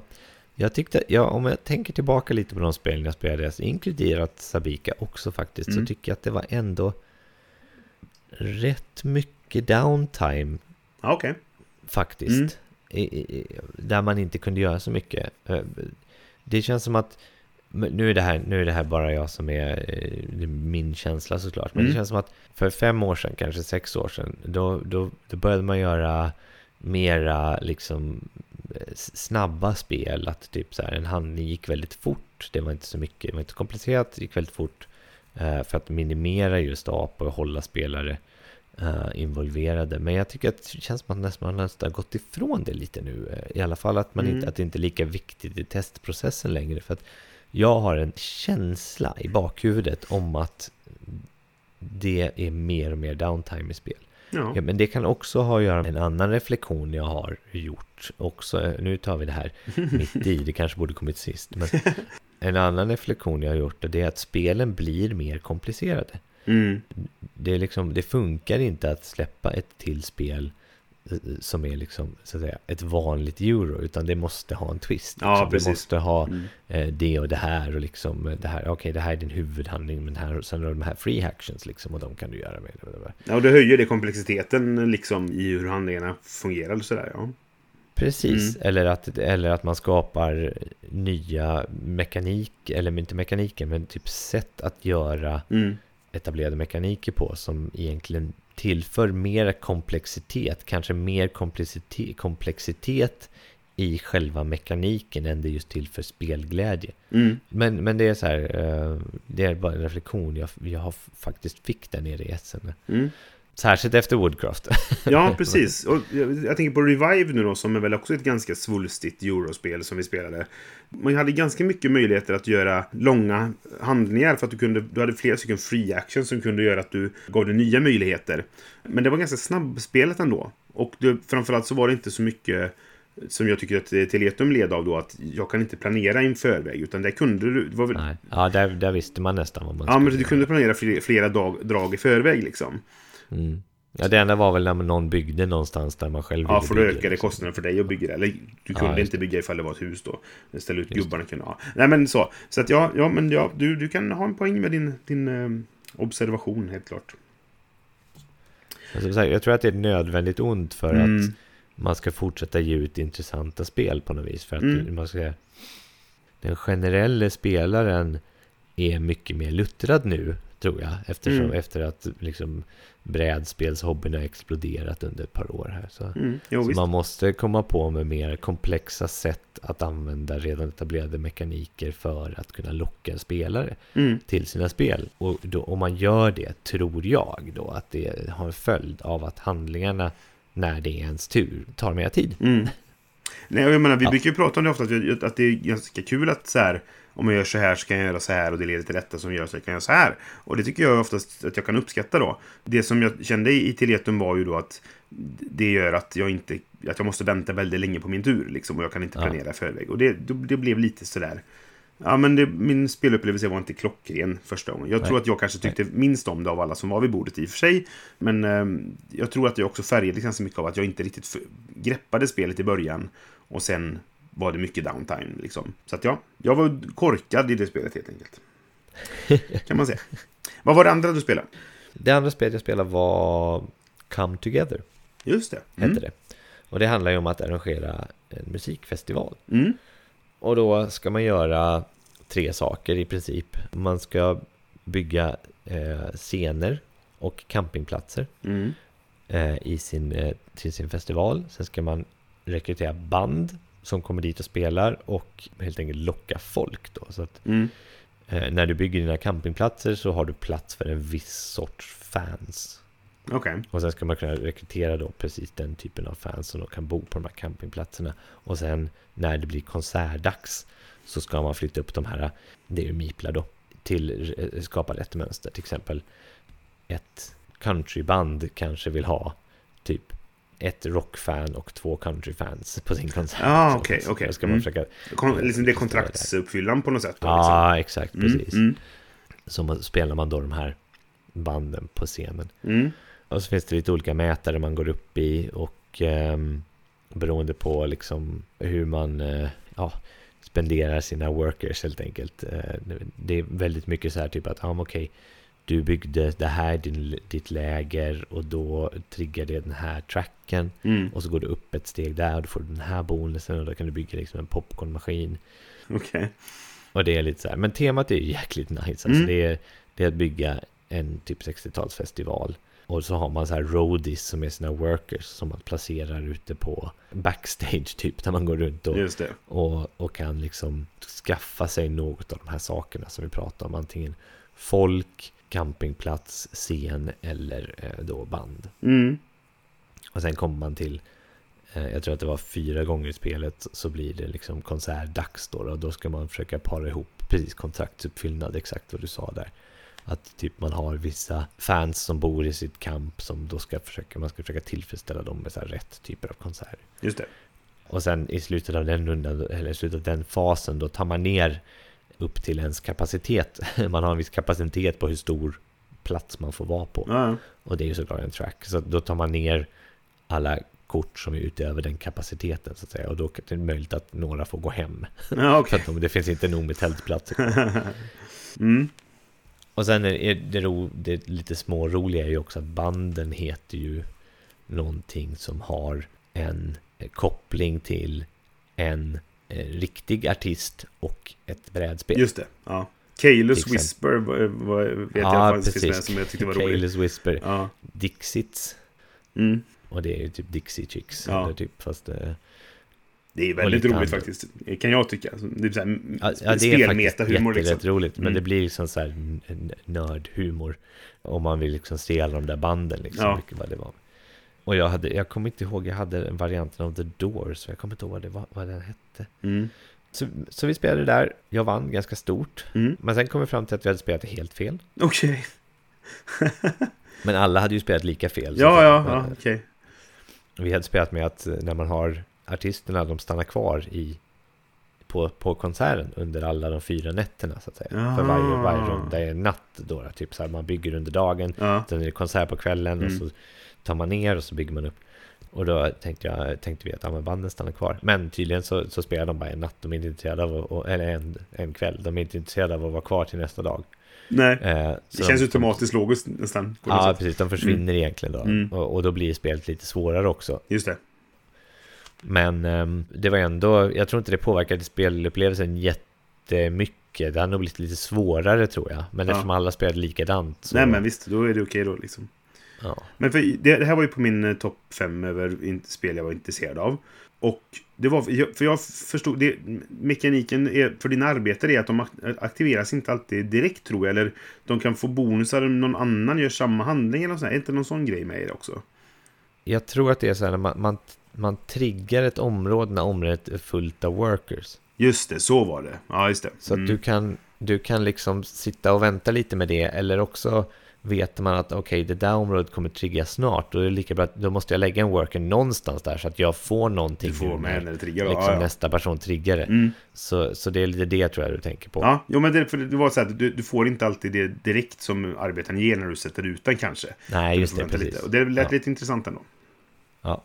Och sen när det är triggat så går arbetarna och lägger sig i sin campingvan. Det är lite roligt också. Det finns ett så här typ en campingplats för workers. Där går de och lägger sig. Sen får man väcka dem därifrån. Ja, men det låter lite kul. Men hur var det då? Jag tyckte det var mysigt. Mm. Men inte så bra. Jag, det var inte dåligt heller. Okej. nej.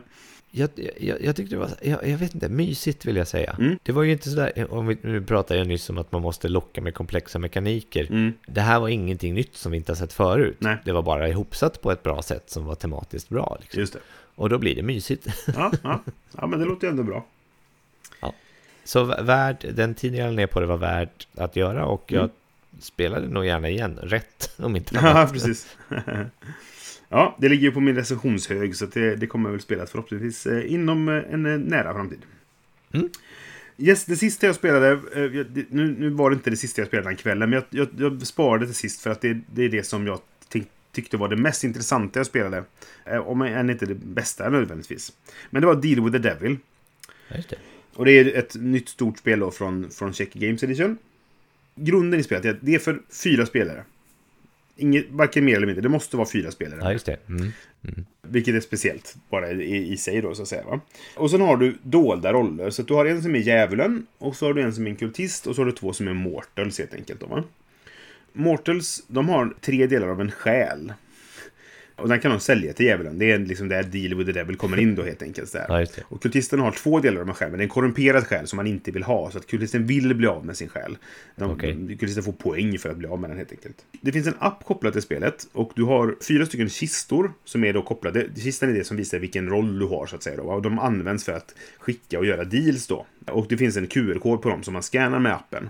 Så vad man gör i början på spelet är att alla spelare har en färg då och man har en skärm som man kan hålla reda på sina resurser bakom. Så att det är dolt då så man inte ser vem som är vem så att säga. Då. Och då scannar man de här och säger att ja, men den här kistan ska till blå spelare. Ja visst, och så delar man ut dem. Så det är så man får sina roller då helt enkelt. Man blandar de där kistorna och så delar man ut dem. Och djävulen får väldigt mycket resurser från början. Men ingen själ då. Mortals får bara själ. Det var inga resurser från början. Och eh, kultisten får lite resurser. Men sen får man din grundinkomst då. Du har, eh, alla har sin kvadrant så att säga då, av spelplanen och det visar vad du får för resurser. Och så är det i mitten en liten snurra som visar vad du får för varje, det förändras vad du får för resurser varje runda. Men man kan se i förväg vad man kommer få så du kan planera utifrån det liksom då, va. Och sen är det ganska standard euro i grunden. Du ska samla resurser för att bygga byggnader och de ska ge dig poäng och de kan ge dig fördel under spelets gång. Men så finns det då dealfaserna. Och då är det så att man tar sin sån kista då. Den är platt ska jag säga, så, men man vrider liksom så. Men det finns liksom, det, det, det är tre lager papp så det finns ett tomrum i mitten om man säger. Och där lägger du det du vill erbjuda sälja. Och så säger du vad du vill ha för det. Är du mortal så kan du bara få pengar för det du säljer. Är du kultist kan du få pengar eller själar. Och är du djävulen så tar du betalt i själar helt enkelt. Eh, och så lägger alla in dem där i mitten, man blandar dem och så scannar man dem och säger men, ja, men det här ska till gul spelare. Och då håller ju appen reda på att gul spelare var inte den som skickade den här. Så de får ett erbjudande från någon annan spelare helt enkelt. Och då kan man välja att ta det erbjudandet genom att ta ut det som ligger i och lägga i det som de vill ha betalt då. Och så gör man det en gång till. Så att varje bud har två chanser på sig, eller varje erbjudande då så att säga, har två chanser på sig att bli taget då. Och sen går de tillbaka och till appen säger men det här ska tillbaka till grön spelare. Och sen kommer en fas då du gör handlingar. Där du helt enkelt kan bygga byggnader och aktivera dem och sånt då. Vid två tillfällen i spelet så har man en witch hunt. Och då kan man då, alla har en, en liten röst markör som, de, som visar de andra spelarnas färger. Då håller man dem i handen och säger jag tycker att du beter dig misstänkt. Liksom då, va? Och det är ju oftast grundat på typ så här, väldigt vad du bygger mycket. Du måste ju ha gjort något. Du måste ju ha sålt din själ till djävulen eller så är du djävulen. Liksom då, va? Och Witch Hunter går ut på att den, som, eh, den eller de, för det, man är ju fyra stycken, så det kan ju vara två spelare som får mest röster, eller som får mer än en röst. Man måste få två röster på sig för att det ska eh, bli en Witch Hunt då. Och då måste du visa upp tre delar av, den, av en själ. Mortals har det från början, så har de inte sålt en del av sin själ så kan de visa upp det sen. Jag är oskyldig. Eh, Liksom, Och då får man bonusar för att man visade sig att vara oskyldig då liksom. Alltså, har man in, kan man inte visa upp det, då får man ett straff från, från kyrkan istället då sådär. Och sen då finns det också en, en inkvisitionsfas i spelet. Och då kommer det inkvisitörer som säger att eh, du måste uppfylla det här kravet, annars så får du ett straff då. Och då kan man också negera dem genom att säga men jag är en, en god, eh, gudfruktig eh, kristen och så visar man upp en del av en själ och säger jajamensan, inga problem. Gå i frid mitt barn liksom. Mm. Och sen i slutet på spelet så finns det även då en, en fas där man kan gissa på vem som är vem. De mänskliga kan gissa på vem som är kultisten och vem som är djävulen och kultisten kan gissa vem som är djävulen då helt enkelt. Ja. Det jag kände var att eurobiten, den vanliga bygg, skaffa resurser, bygga byggnader, den är ganska basic och inte jättespännande egentligen. Eh, dealandet är ganska kul, ett lite roligt sätt att göra dealandet på. Men det kom de här faserna när det var eh, framförallt då att, att rösta om Witch Hunt och när man skulle gissa vem som var vem och anklaga och sådana saker.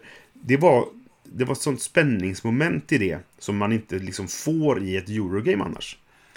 Ja, okej. Så det var, det var en intressant blandning av standard euro med extra spänning. Det var någon sorts krydda i det på något sätt. Liksom då? Och jag vet inte ifall jag tycker att det är bra. Det tog lång tid att spela. Det tog tre timmar, exklusive regelgenomgång. Så det är ett långt spel. Man är oftast aktiv samtidigt, så det var inte så mycket väntan i spelet, vilket är bra då. Men det tar ändå lång tid att spela. Men jag, jag tyckte att de här dealandet och det, det gav en extra krydda som gjorde att det blev väldigt intressant. Ja. Frågan är hur länge det håller i, i, i längden liksom, men jag är väldigt sugen på att spela det igen. Vi ska Ja, spela det i övermorgon faktiskt, så jag får passa på att testa det igen. Liksom, så här? Jag spelade Mortal nu den här gången. Och det var väldigt intressant för mig att försöka liksom... Det blev en sorts deduction, grej då att så här, försöka hålla koll på hur, vad folk gjorde på sina rundor och med sina resurser för att se så här, räkna ut vem som var vem. Ja, Och jag lyckades sätta vem både kultisten och vem djävulen var. Ja, Och det, nice. det gav mig en väldigt bra känsla liksom för spelet sådär. Ja, jag, det. jag vet inte. Det är tydligen väldigt delat vad folk tycker om det här spelet. Okej. Jag, jag vet inte ifall jag tycker att det är bra eller inte, men, men det finns de som säger ungefär som jag, det är intressant och, och innovativt och så vidare. Och så finns det de som säger att det är bara jättetråkigt, för det gör inget roligt på din runda. För jag såg eh, Dice Towers eh, recension av det, och de gav det väldigt lågt betyg. Och jag tror Ja, att det, det lät på dem som att de tyckte att dealsen inte är intressanta för man har inget att handla med. Och jag tyckte att vi gjorde, jag som Immortal sålde nästan aldrig någonting, men jag kunde köpa en hel del saker Okej. och så vidare. Jag sålde min själ första rundan. Det var jättedumt, för sen blev jag anklagad för att vara häxa då, så då, då kunde jag inte visa upp mina tre själdelar och så vidare. Men, men jag vet inte, de tyckte att det inte var särskilt spännande och det fanns liksom enligt dem då ingen anledning att sälja sin själ. Och jag kan se det till viss del. Kultisten vill sälja sin själ, för kultisten får poäng genom att ha gjort det. Ja. Men som människa är det så här, jag, jag, jag gjorde det nog för att jag ville testa hur det funkade. Jag sålde den väldigt billigt också inser jag senare i spelet och sådär. Mm, jag skulle bara inte gjort det. Men, men jag kan se det för att när du, inkvisitörerna kommer sagt, och det, de är en ganska stor källa till att eventuellt få minuspoäng. Och har du gjort det, du kan undvika dem genom att ha själ kvar helt enkelt. Och ju fler själar djävulen kan visa upp, desto mer poäng får djävulen och desto mer inkvisitörer låses upp. Så att det, det, jag kan se liksom så att om alla är med på det så kanske man bara inte spelar spelet. Och det kan ju bli jättepajigt. Ja. Så att jag, jag, jag vet inte, jag, jag tycker att det är intressant. Men jag vet inte om det är bra. Och jag behöver spela det mer gånger för att få en riktig uppfattning. Kan man göra så att man typ så här bestämmer sig för att bara spela eurogrejen? Säg att man säger så här, ah, jag, jag skiter i det här med deduction. Jag berättar eller visar vem jag är och så vill jag bara spela eurobiten. Eh, blir det, blir det... Förstör man för alla andra då? Jag vet inte, för grejen är att, att du, du har två tillfällen som du kan gissa på vem, vem som är djävulen är. Du, det, återigen så måste du, eh, det, eh, den spelaren få två röster för att de ska bli, bli, bli tillfrågade då. Men är det så att gissar man rätt så måste djävulen erkänna liksom, ja, jag är djävulen liksom. Och då är det Ja. känt i de sista två rundorna i spelet. Det är Ja, fem okej. runder i spelet. Så halvvägs in i spelet så kan det vara känt. Och, eller Ja. om de inte är djävulen så säger de det. Jag är, jag är inte djävulen. Okej, då vet vi att det här är en spelare som inte är djävulen. Men du vet fortfarande inte vem som den här kistan kommer ifrån? Nej, eh, nej precis. Varje- di, när du, alltid när du gör dealsen så vet jag Jag vet att det här är... Eh, du, du vet ju... Du vet ju vilken som är djävulens. Så har djävulen avslöjats så vet du att det Ja, här, ja, nu vet jag att det här Ja, är, är eh, Lasses då. För han var djävulen i Ja. många spel liksom. Men jag, jag vet inte. Men jag, jag, tyck, jag tyckte det var intressant och hur det funkade. Och väldigt Ja. innovativt i det här. Alltså appen funkar jättebra. Förutom att det, eh, man, den behöver ljus på ett sätt. De, de rekommenderar i regelboken att man ska släcka ljuset och höja brightness på skärmen. För du tar ju med frontkameran då. Så att du håller Ja. eh, liksom det här ovanför. Vi satt och lyste med en extra lampa liksom för att få det bra ljus då. Så det var lite så här. Ja. Få rätt Fiddly. vinkel på det där var lite krångligt. Men den funkade Ja. väldigt bra. Sen är det nog ganska skört spelet för om någon gör fel. Okej. En människa kan till exempel inte erbjuda sin själ. I ett, i, och lägga den när de skickar iväg sin deal så att säga. Då, va? De kan bara betala den när djävulen eller kultisten ber om den så att säga. Då, det. Och gör man fel där då kan man liksom säga ja nu blev det nog knasigt och så kan man, man kan backa i appen då men det kan bli lite lurigt att så här men folk kan bli avslöjade genom att man råkar göra fel helt enkelt. Eller att man tar ut fel saker eller stoppar i fel saker när man ska betala och sånt. Liksom. Så på det sättet är det nog ganska skört. Ja, okej. Men jag, jag är lite fascinerad av det här spelet. Eh, Och jag, jag, det var så här, vi, ska, vi ska spela om ett par dagar och jag var så här, vi måste spela detta för att jag vill få till det. Och så var vi bara tre, bara, kan vi hitta en spelare till? För vi måste vara fyra, Ja, ja, specifikt. det. liksom, sådär. Ja, ja. Så det är lite knasigt på det sättet. Men, men som sagt, jag, jag pratade, jag var med på um, Sporadically Board med Mike och Dan häromdagen. Och då pratade vi om detta. Eh, Så det kan man lyssna på. Det är väldigt bra podd överlag. Och vill man höra mer av mig svamla på engelska så kan man lyssna på det. Senaste avsnittet de släppte. Men då pratade vi om detta, för som sagt, Mike var ju med i den här recensionen som, där han tyckte att det var dåligt. Han gav den 4 av 10, är det väl, i betyg liksom. Så han tyckte det var riktigt dåligt. Och det, överlag tyckte alla på Dice Tower det som var recenserade dem. Och jag kan se mycket av det kritiken de gav som ja, jag, där kan jag se att det kan hända och det kan vara dåligt sådär. Så det ska bli kul att se nu när jag har spelat eh, på söndag ifall vad jag tycker om det. Om, om det går ner i min eh, aktning då. Men just nu så är det jag, mm, tycker jag, väldigt nyfiken på, på det mer i alla fall. Så. Vann du när du spelade? Det gjorde jag. Ja. Ja, och, och till, För att du lyckades... Ja, men till viss del. För man, man får en del poäng ja. för att gissa rätt då. Alla trodde Ja. att jag var djävulen. Vilket, Ja. vilket, vilket gav djävulen poäng för att de gissade fel på mig. Vilket ger djävulen Okej. poäng då. Och, men så här, jag tyckte det var lite kul att driva på det. För att då kommer de inte såklart. få poäng för att gissa rätt i alla fall. Sen tänkte jag inte på att djävulen får poäng för att gissa fel och sådär. Men, men, men jag tror att en del av min, min glädje av spelet var att jag lyckades slutleda vem som var vem då. Det var lite Ja. gissning också såklart. Men, men jag hade ändå så här. Mm. Jag gissade faktiskt rätt på djävulen redan första gången röstningen. Men det var bara jag som röstade på den. Liksom. Så Ja, att jag, jag hade listat ut att Lasse var djävulen redan efter tre rundor. Men det var, då var det en chansning. Sen efter runda fem så var det så här. Nu är jag ganska säker. Och så tror jag att Lelle är kultisten. Och det var han. Men i alla fall. Ja, det var Deal with the Devil. Ja, det intressantaste spelet för mig. Man säga. Inte det bästa, men det intressantaste. Cool. Ja, det var det. Spelar ni någonting på, på flygplatsen på söndagen? Ja, bara Oriflame. Ja, okej. Ja, men det var ju bra i alla fall. Så att, ja. Ja, precis. Eh, Däremot har jag spelat två andra spel som eh, sen jag kom hem, som är, Ja. var mycket prat om på SM. Okej. Som jag kan prata lite snabbt om. Mm. Det är ändå i samma liksom, kategori då, där vi hade spelat de spelen där ifall vi hade haft tid. Liksom. Mm. Och det ena heter The Great Split, Just det. som eh, var ett... Eh, vad heter det? You, eh, you cut, I choose. Nej, I cut, you choose. I could you choose. Ja, precis. Precis, spel då. då. Det, är, det är så här The Great Gatsby-miljö. Mm. Jättefina illustrationer av Webson Santiago. Just det. Och sen så handlar det bara om att gå upp på olika tracks. Och få olika bonusar som gör går upp på andra tracks. Mm. Och du har ett antal då typ, eh, ja, konstverk eller vad det är på handen. Och så tar du helt enkelt och skickar dem till spelaren till vänster om dig. Med liksom ett kort som avgränsar dem emellan. Så att när du tar upp, när du tar upp ditt, din, ditt offer så att säga så får Mm. du välja ena sidan av det här kortet. Just det. Eh, Alltså du skapar ett, ett bud att antingen tar du de här tre eller de här två. Ja, precis. Eller vad det kan vara liksom. Mm. Eller beroende på hur många kort du har på Just det. handen. Då. Mm. Det kan vara lite olika. Och sen kommer du få tillbaka det som den inte valde. Samtidigt så att, som du också får ett bud då från spelaren till höger. Just det. Och de där buden, de där sakerna är bara symboler som motsvarar antingen poäng, rena poäng, Mm. eller att man går upp på olika tracks. Okej. Och sen är det scoring då, så att den som har gått upp på eh, det här tracket kommer scora mest den här gången också. Så det, det var väldigt så här, jag, und- jag satt och undrade vad jag gjorde där egentligen. Det var bara att gå upp på tracks hela tiden. Och sen Okej. så trillade det in poäng på olika sätt. Jaha. Jag är ju väldigt mycket för tematik och där var det verkligen ingen tematik alls. Okej. Så att vill man spela Tracks the Game, alltså det, det är rätt intressant i det, att, i, det i, i mekaniken där, men, men jag tyckte det gav ingen mer smak, utan det var bara det liksom. Den som har Okej. gått upp på mest tracks i slutet vinner liksom. Ja, för jag, jag, eh, det här var ju med på min eh, topp fem eh, på femte plats i och för sig då, men att, att, som jag såg fram emot. Och jag fick känslan av att de andra, för de andra spelade det här på lördagen, eller på torsdagen kanske, Ja, innan vi kom. Och de gillade det verkligen, men det kanske, de Ja. kanske inte är lika temakänsliga som du.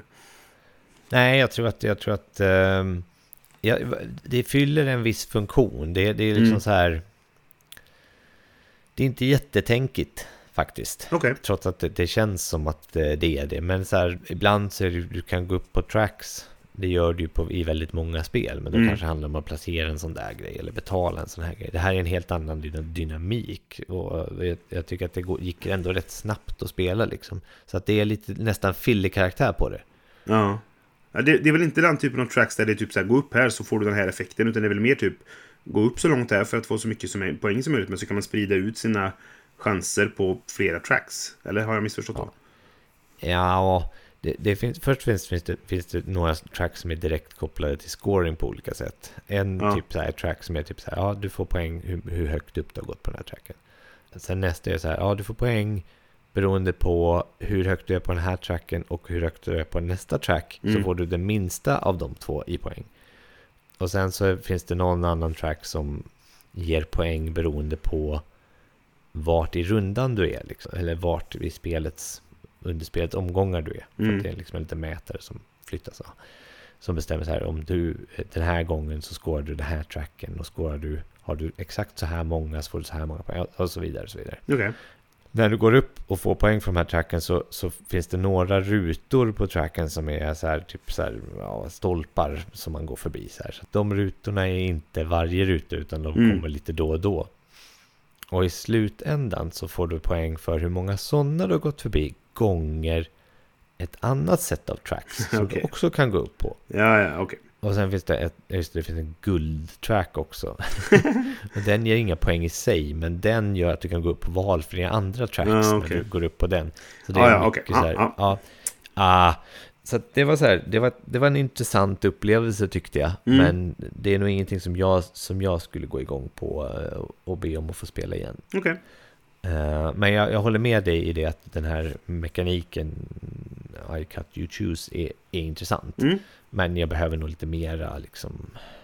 Jag kommer ihåg när du berättade om det här så tänkte jag så här, oh men det låter som Sheriff of Nottingham. Det är det absolut inte. Det är Nej, nej, verkligen, nej. verkligen inte alls det. Utan det är helt enkelt så här, ja, vilka tracks vill du gå upp på? Ja, men då får du inte de grejerna liksom. Mm. Samtidigt som att jag vill ha de grejerna tillbaka som jag vill gå upp på. Just det. Det är det som är spelet. Ja, ja. Och sen spelade jag också ett spel som heter Discordia. Just det. Det handlar om eh, dice drafting helt enkelt. Mm.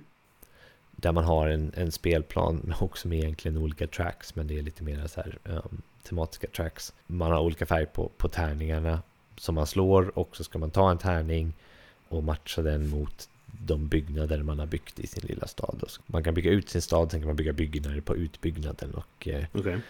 ja, det var inte ett bra spel. Nej, du, du skrev till mig när du satt och spelade. Eller skrev till mig och Åke så här och beklagade över, över Ja, att det nej, inte men det var, bra. det var typ, det var ett, man måste helt klart ha en viss strategi i början. Det Mm. säga bygga, bygga, ut, bygga ut hela din stad för att då får du mera... Ja, det, det handlar om att bra, det handlar om att bli av med, du har massa folk, Mm. massa miplar. Och de vill du sätta ut i dina byggnader. Beroende, i, när ni- den i spelplan, din, vad heter det, eh, gameboard, eller ja, din egen platta. Mm, det Kanske. spelarbräde brukar jag säga. Spelarbräde, tack Mm. så mycket. Ditt spelarbräde är tomt så att säga, eller när, när du börjar, Mm. då har du massa exposade bitar på det som är så här, nya gubbar som kommer. Mhm. Så vad du vill göra är att täcka de gubbarna så att du inte får mera nya gubbar. Jaha. För okej. att vad, vad- du vill göra är att bli av med alla dina gubbar på en runda. Och så fort du har blivit av med alla dina gubbar så vinner du spelet. Aha, okej. Så, så när du, och du börjar kanske med 12 eller vad det är, och, och gubbarna har olika färger då. Så när du tar en tärning Mm. Då vill du aktivera en byggnad med den färgen som, som gör, samma färg som tärningen som gör att du får sätta gubbar av den färgen i den byggnaden. Okej. Och då när, när de är liksom har satt där i slutet på rundan så försvinner de gubbarna. Mm. Men du får tillbaka gubbar beroende på hur många sådana där äh, exposade slots du har. Liksom. Okej, Så du vill minimera antalet exposade slott och maximera antalet gubbar du får ut. just det. För att i slutändan så kommer du gå, börja gå plus där då. När du, Mm. Det låter ändå lite intressant. Ja, när jag berättar om det så gör det väl det. Alltså. På pappret i alla Men, fall. Liksom. Ja, men jag, jag hade ingen bra upplevelse när jag spelade Nej. det. För att jag, jag gjorde ju, det, det var ju precis det var det jag sa till dig att man måste ha en viss, eller den, den de som hade spelat det förr så de visste om det eller bara slumpade sig in på den taktiken Mm. gick det mycket bättre för än oss Ja, som okej. inte gjorde det. Ja. Och det var liksom att ja, men bygga ut alla dina hela din, din stad först så att du kan bygga byggnader överallt och att du täcker de här slottsen så att du inte får en massa nya gubbar hela tiden. Mm. liksom.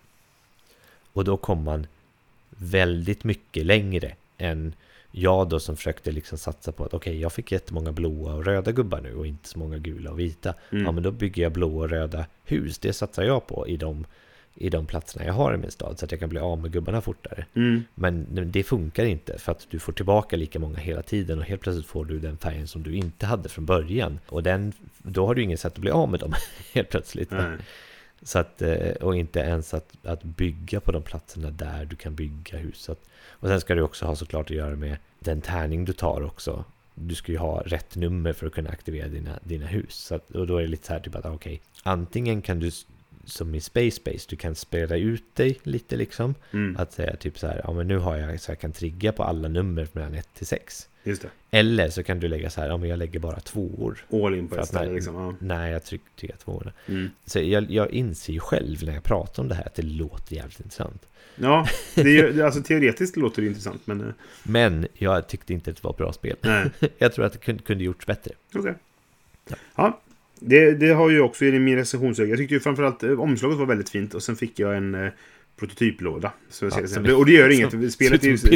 Men jag, jag fick en pizzakartong helt enkelt utan det fina omslaget. Så jag blev lite besviken på att jag inte fick det. Men så att spelet är ju samma då. Däremot var ju kvaliteten på spelarbrädorna under all kritik. Och det var ju i den retail-versionen. Ja, ja visst absolut. Jo, för det, det, du, du limmar på en tjockare platta. Det- Så det ska vara ett dubbel... eh, Så här, med recesses, eller vad säger man på svenska? Som- Alltså Ja. hål du stoppar socker i. Det understa liksom som du klistrar på, det är bara en... en eh, ja, papper. Ja, det, det är liksom inte tjock papp, utan det är ett lite, lite tjockare eh, papper helt enkelt. Eh, Revive hade ju, eller det var många spel egentligen som hade, men Mm. Revive tänker jag särskilt på, hade ju det här dubbellagret av papp så att den får de här recesserna och Ja. såna här grejer. Det har blivit Eh. mycket mer populärt och vissa Ja. gör det på ett lite smart sätt. Just att man klistrar ihop det. Du sätter klisterlappar på vissa ställen och så trycker du ihop de här så att du bygger den själv. Just det, vilket antagligen är själv, mycket ja, lättare att göra.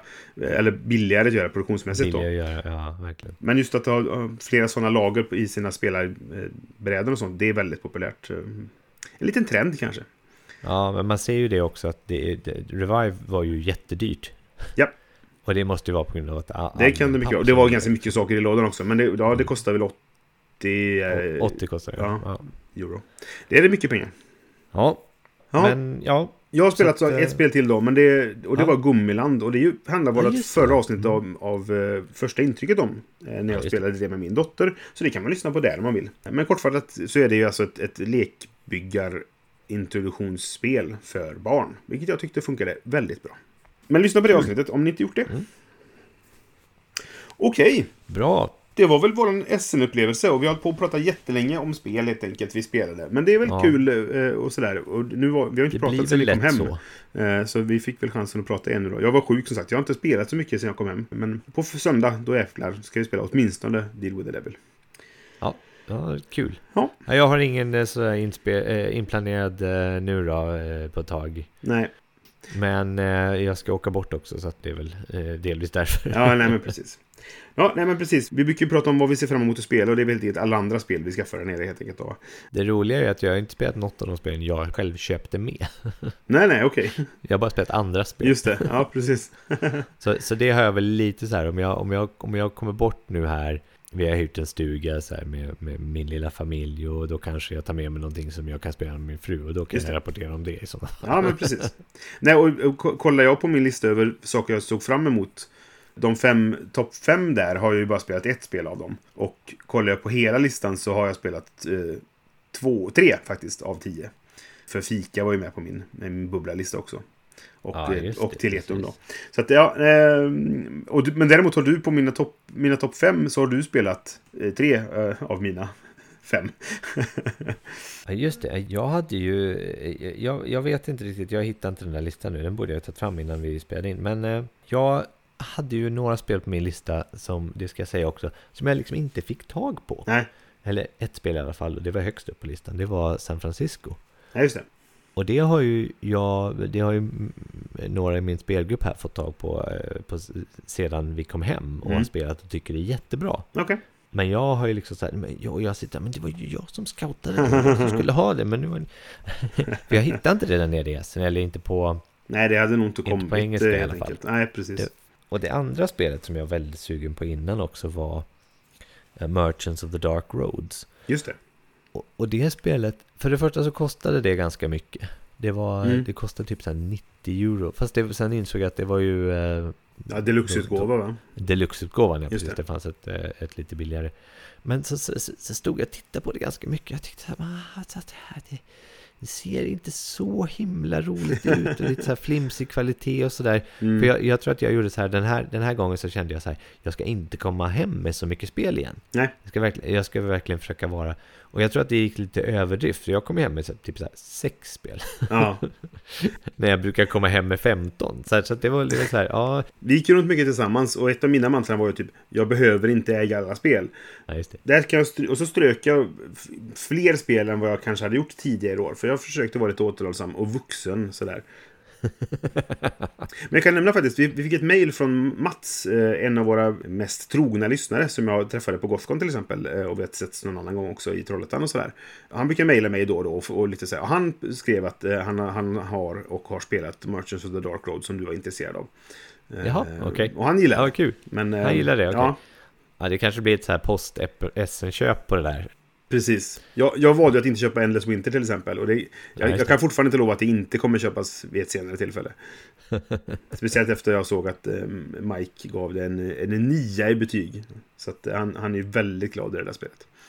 Men, men vi får se. Verkligen, hur, hur tänker han? Det är ju så dåligt. Ja, ja. Men vi spelade prototyp Johan. Det kanske är bättre Ja, ja, jo. i Okej. färdigt. Jag vet inte. Och vi spelade dessutom på, på Tabletop Simulator så vi har inte fått den taktila känslan. Jag vet inte. Vi, vi Fair pra- enough, vi får ge det en chans till. Ja, chans kanske. till. Men Ja, ja, ja. jag köpte det inte där. Jag stod och höll i det flera gånger. Och jag tjatade mycket på dig om det. Men jag valde att inte köpa det. Och så köpte jag Flamecraft istället. Köpte Flamecraft istället. Så var det.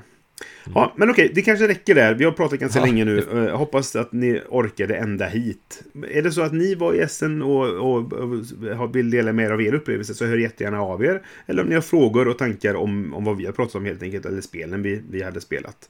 Så får ni jättegärna höra av er. Ni kan höra av er på johan.spelradio.se eller brisse.spelradio.se.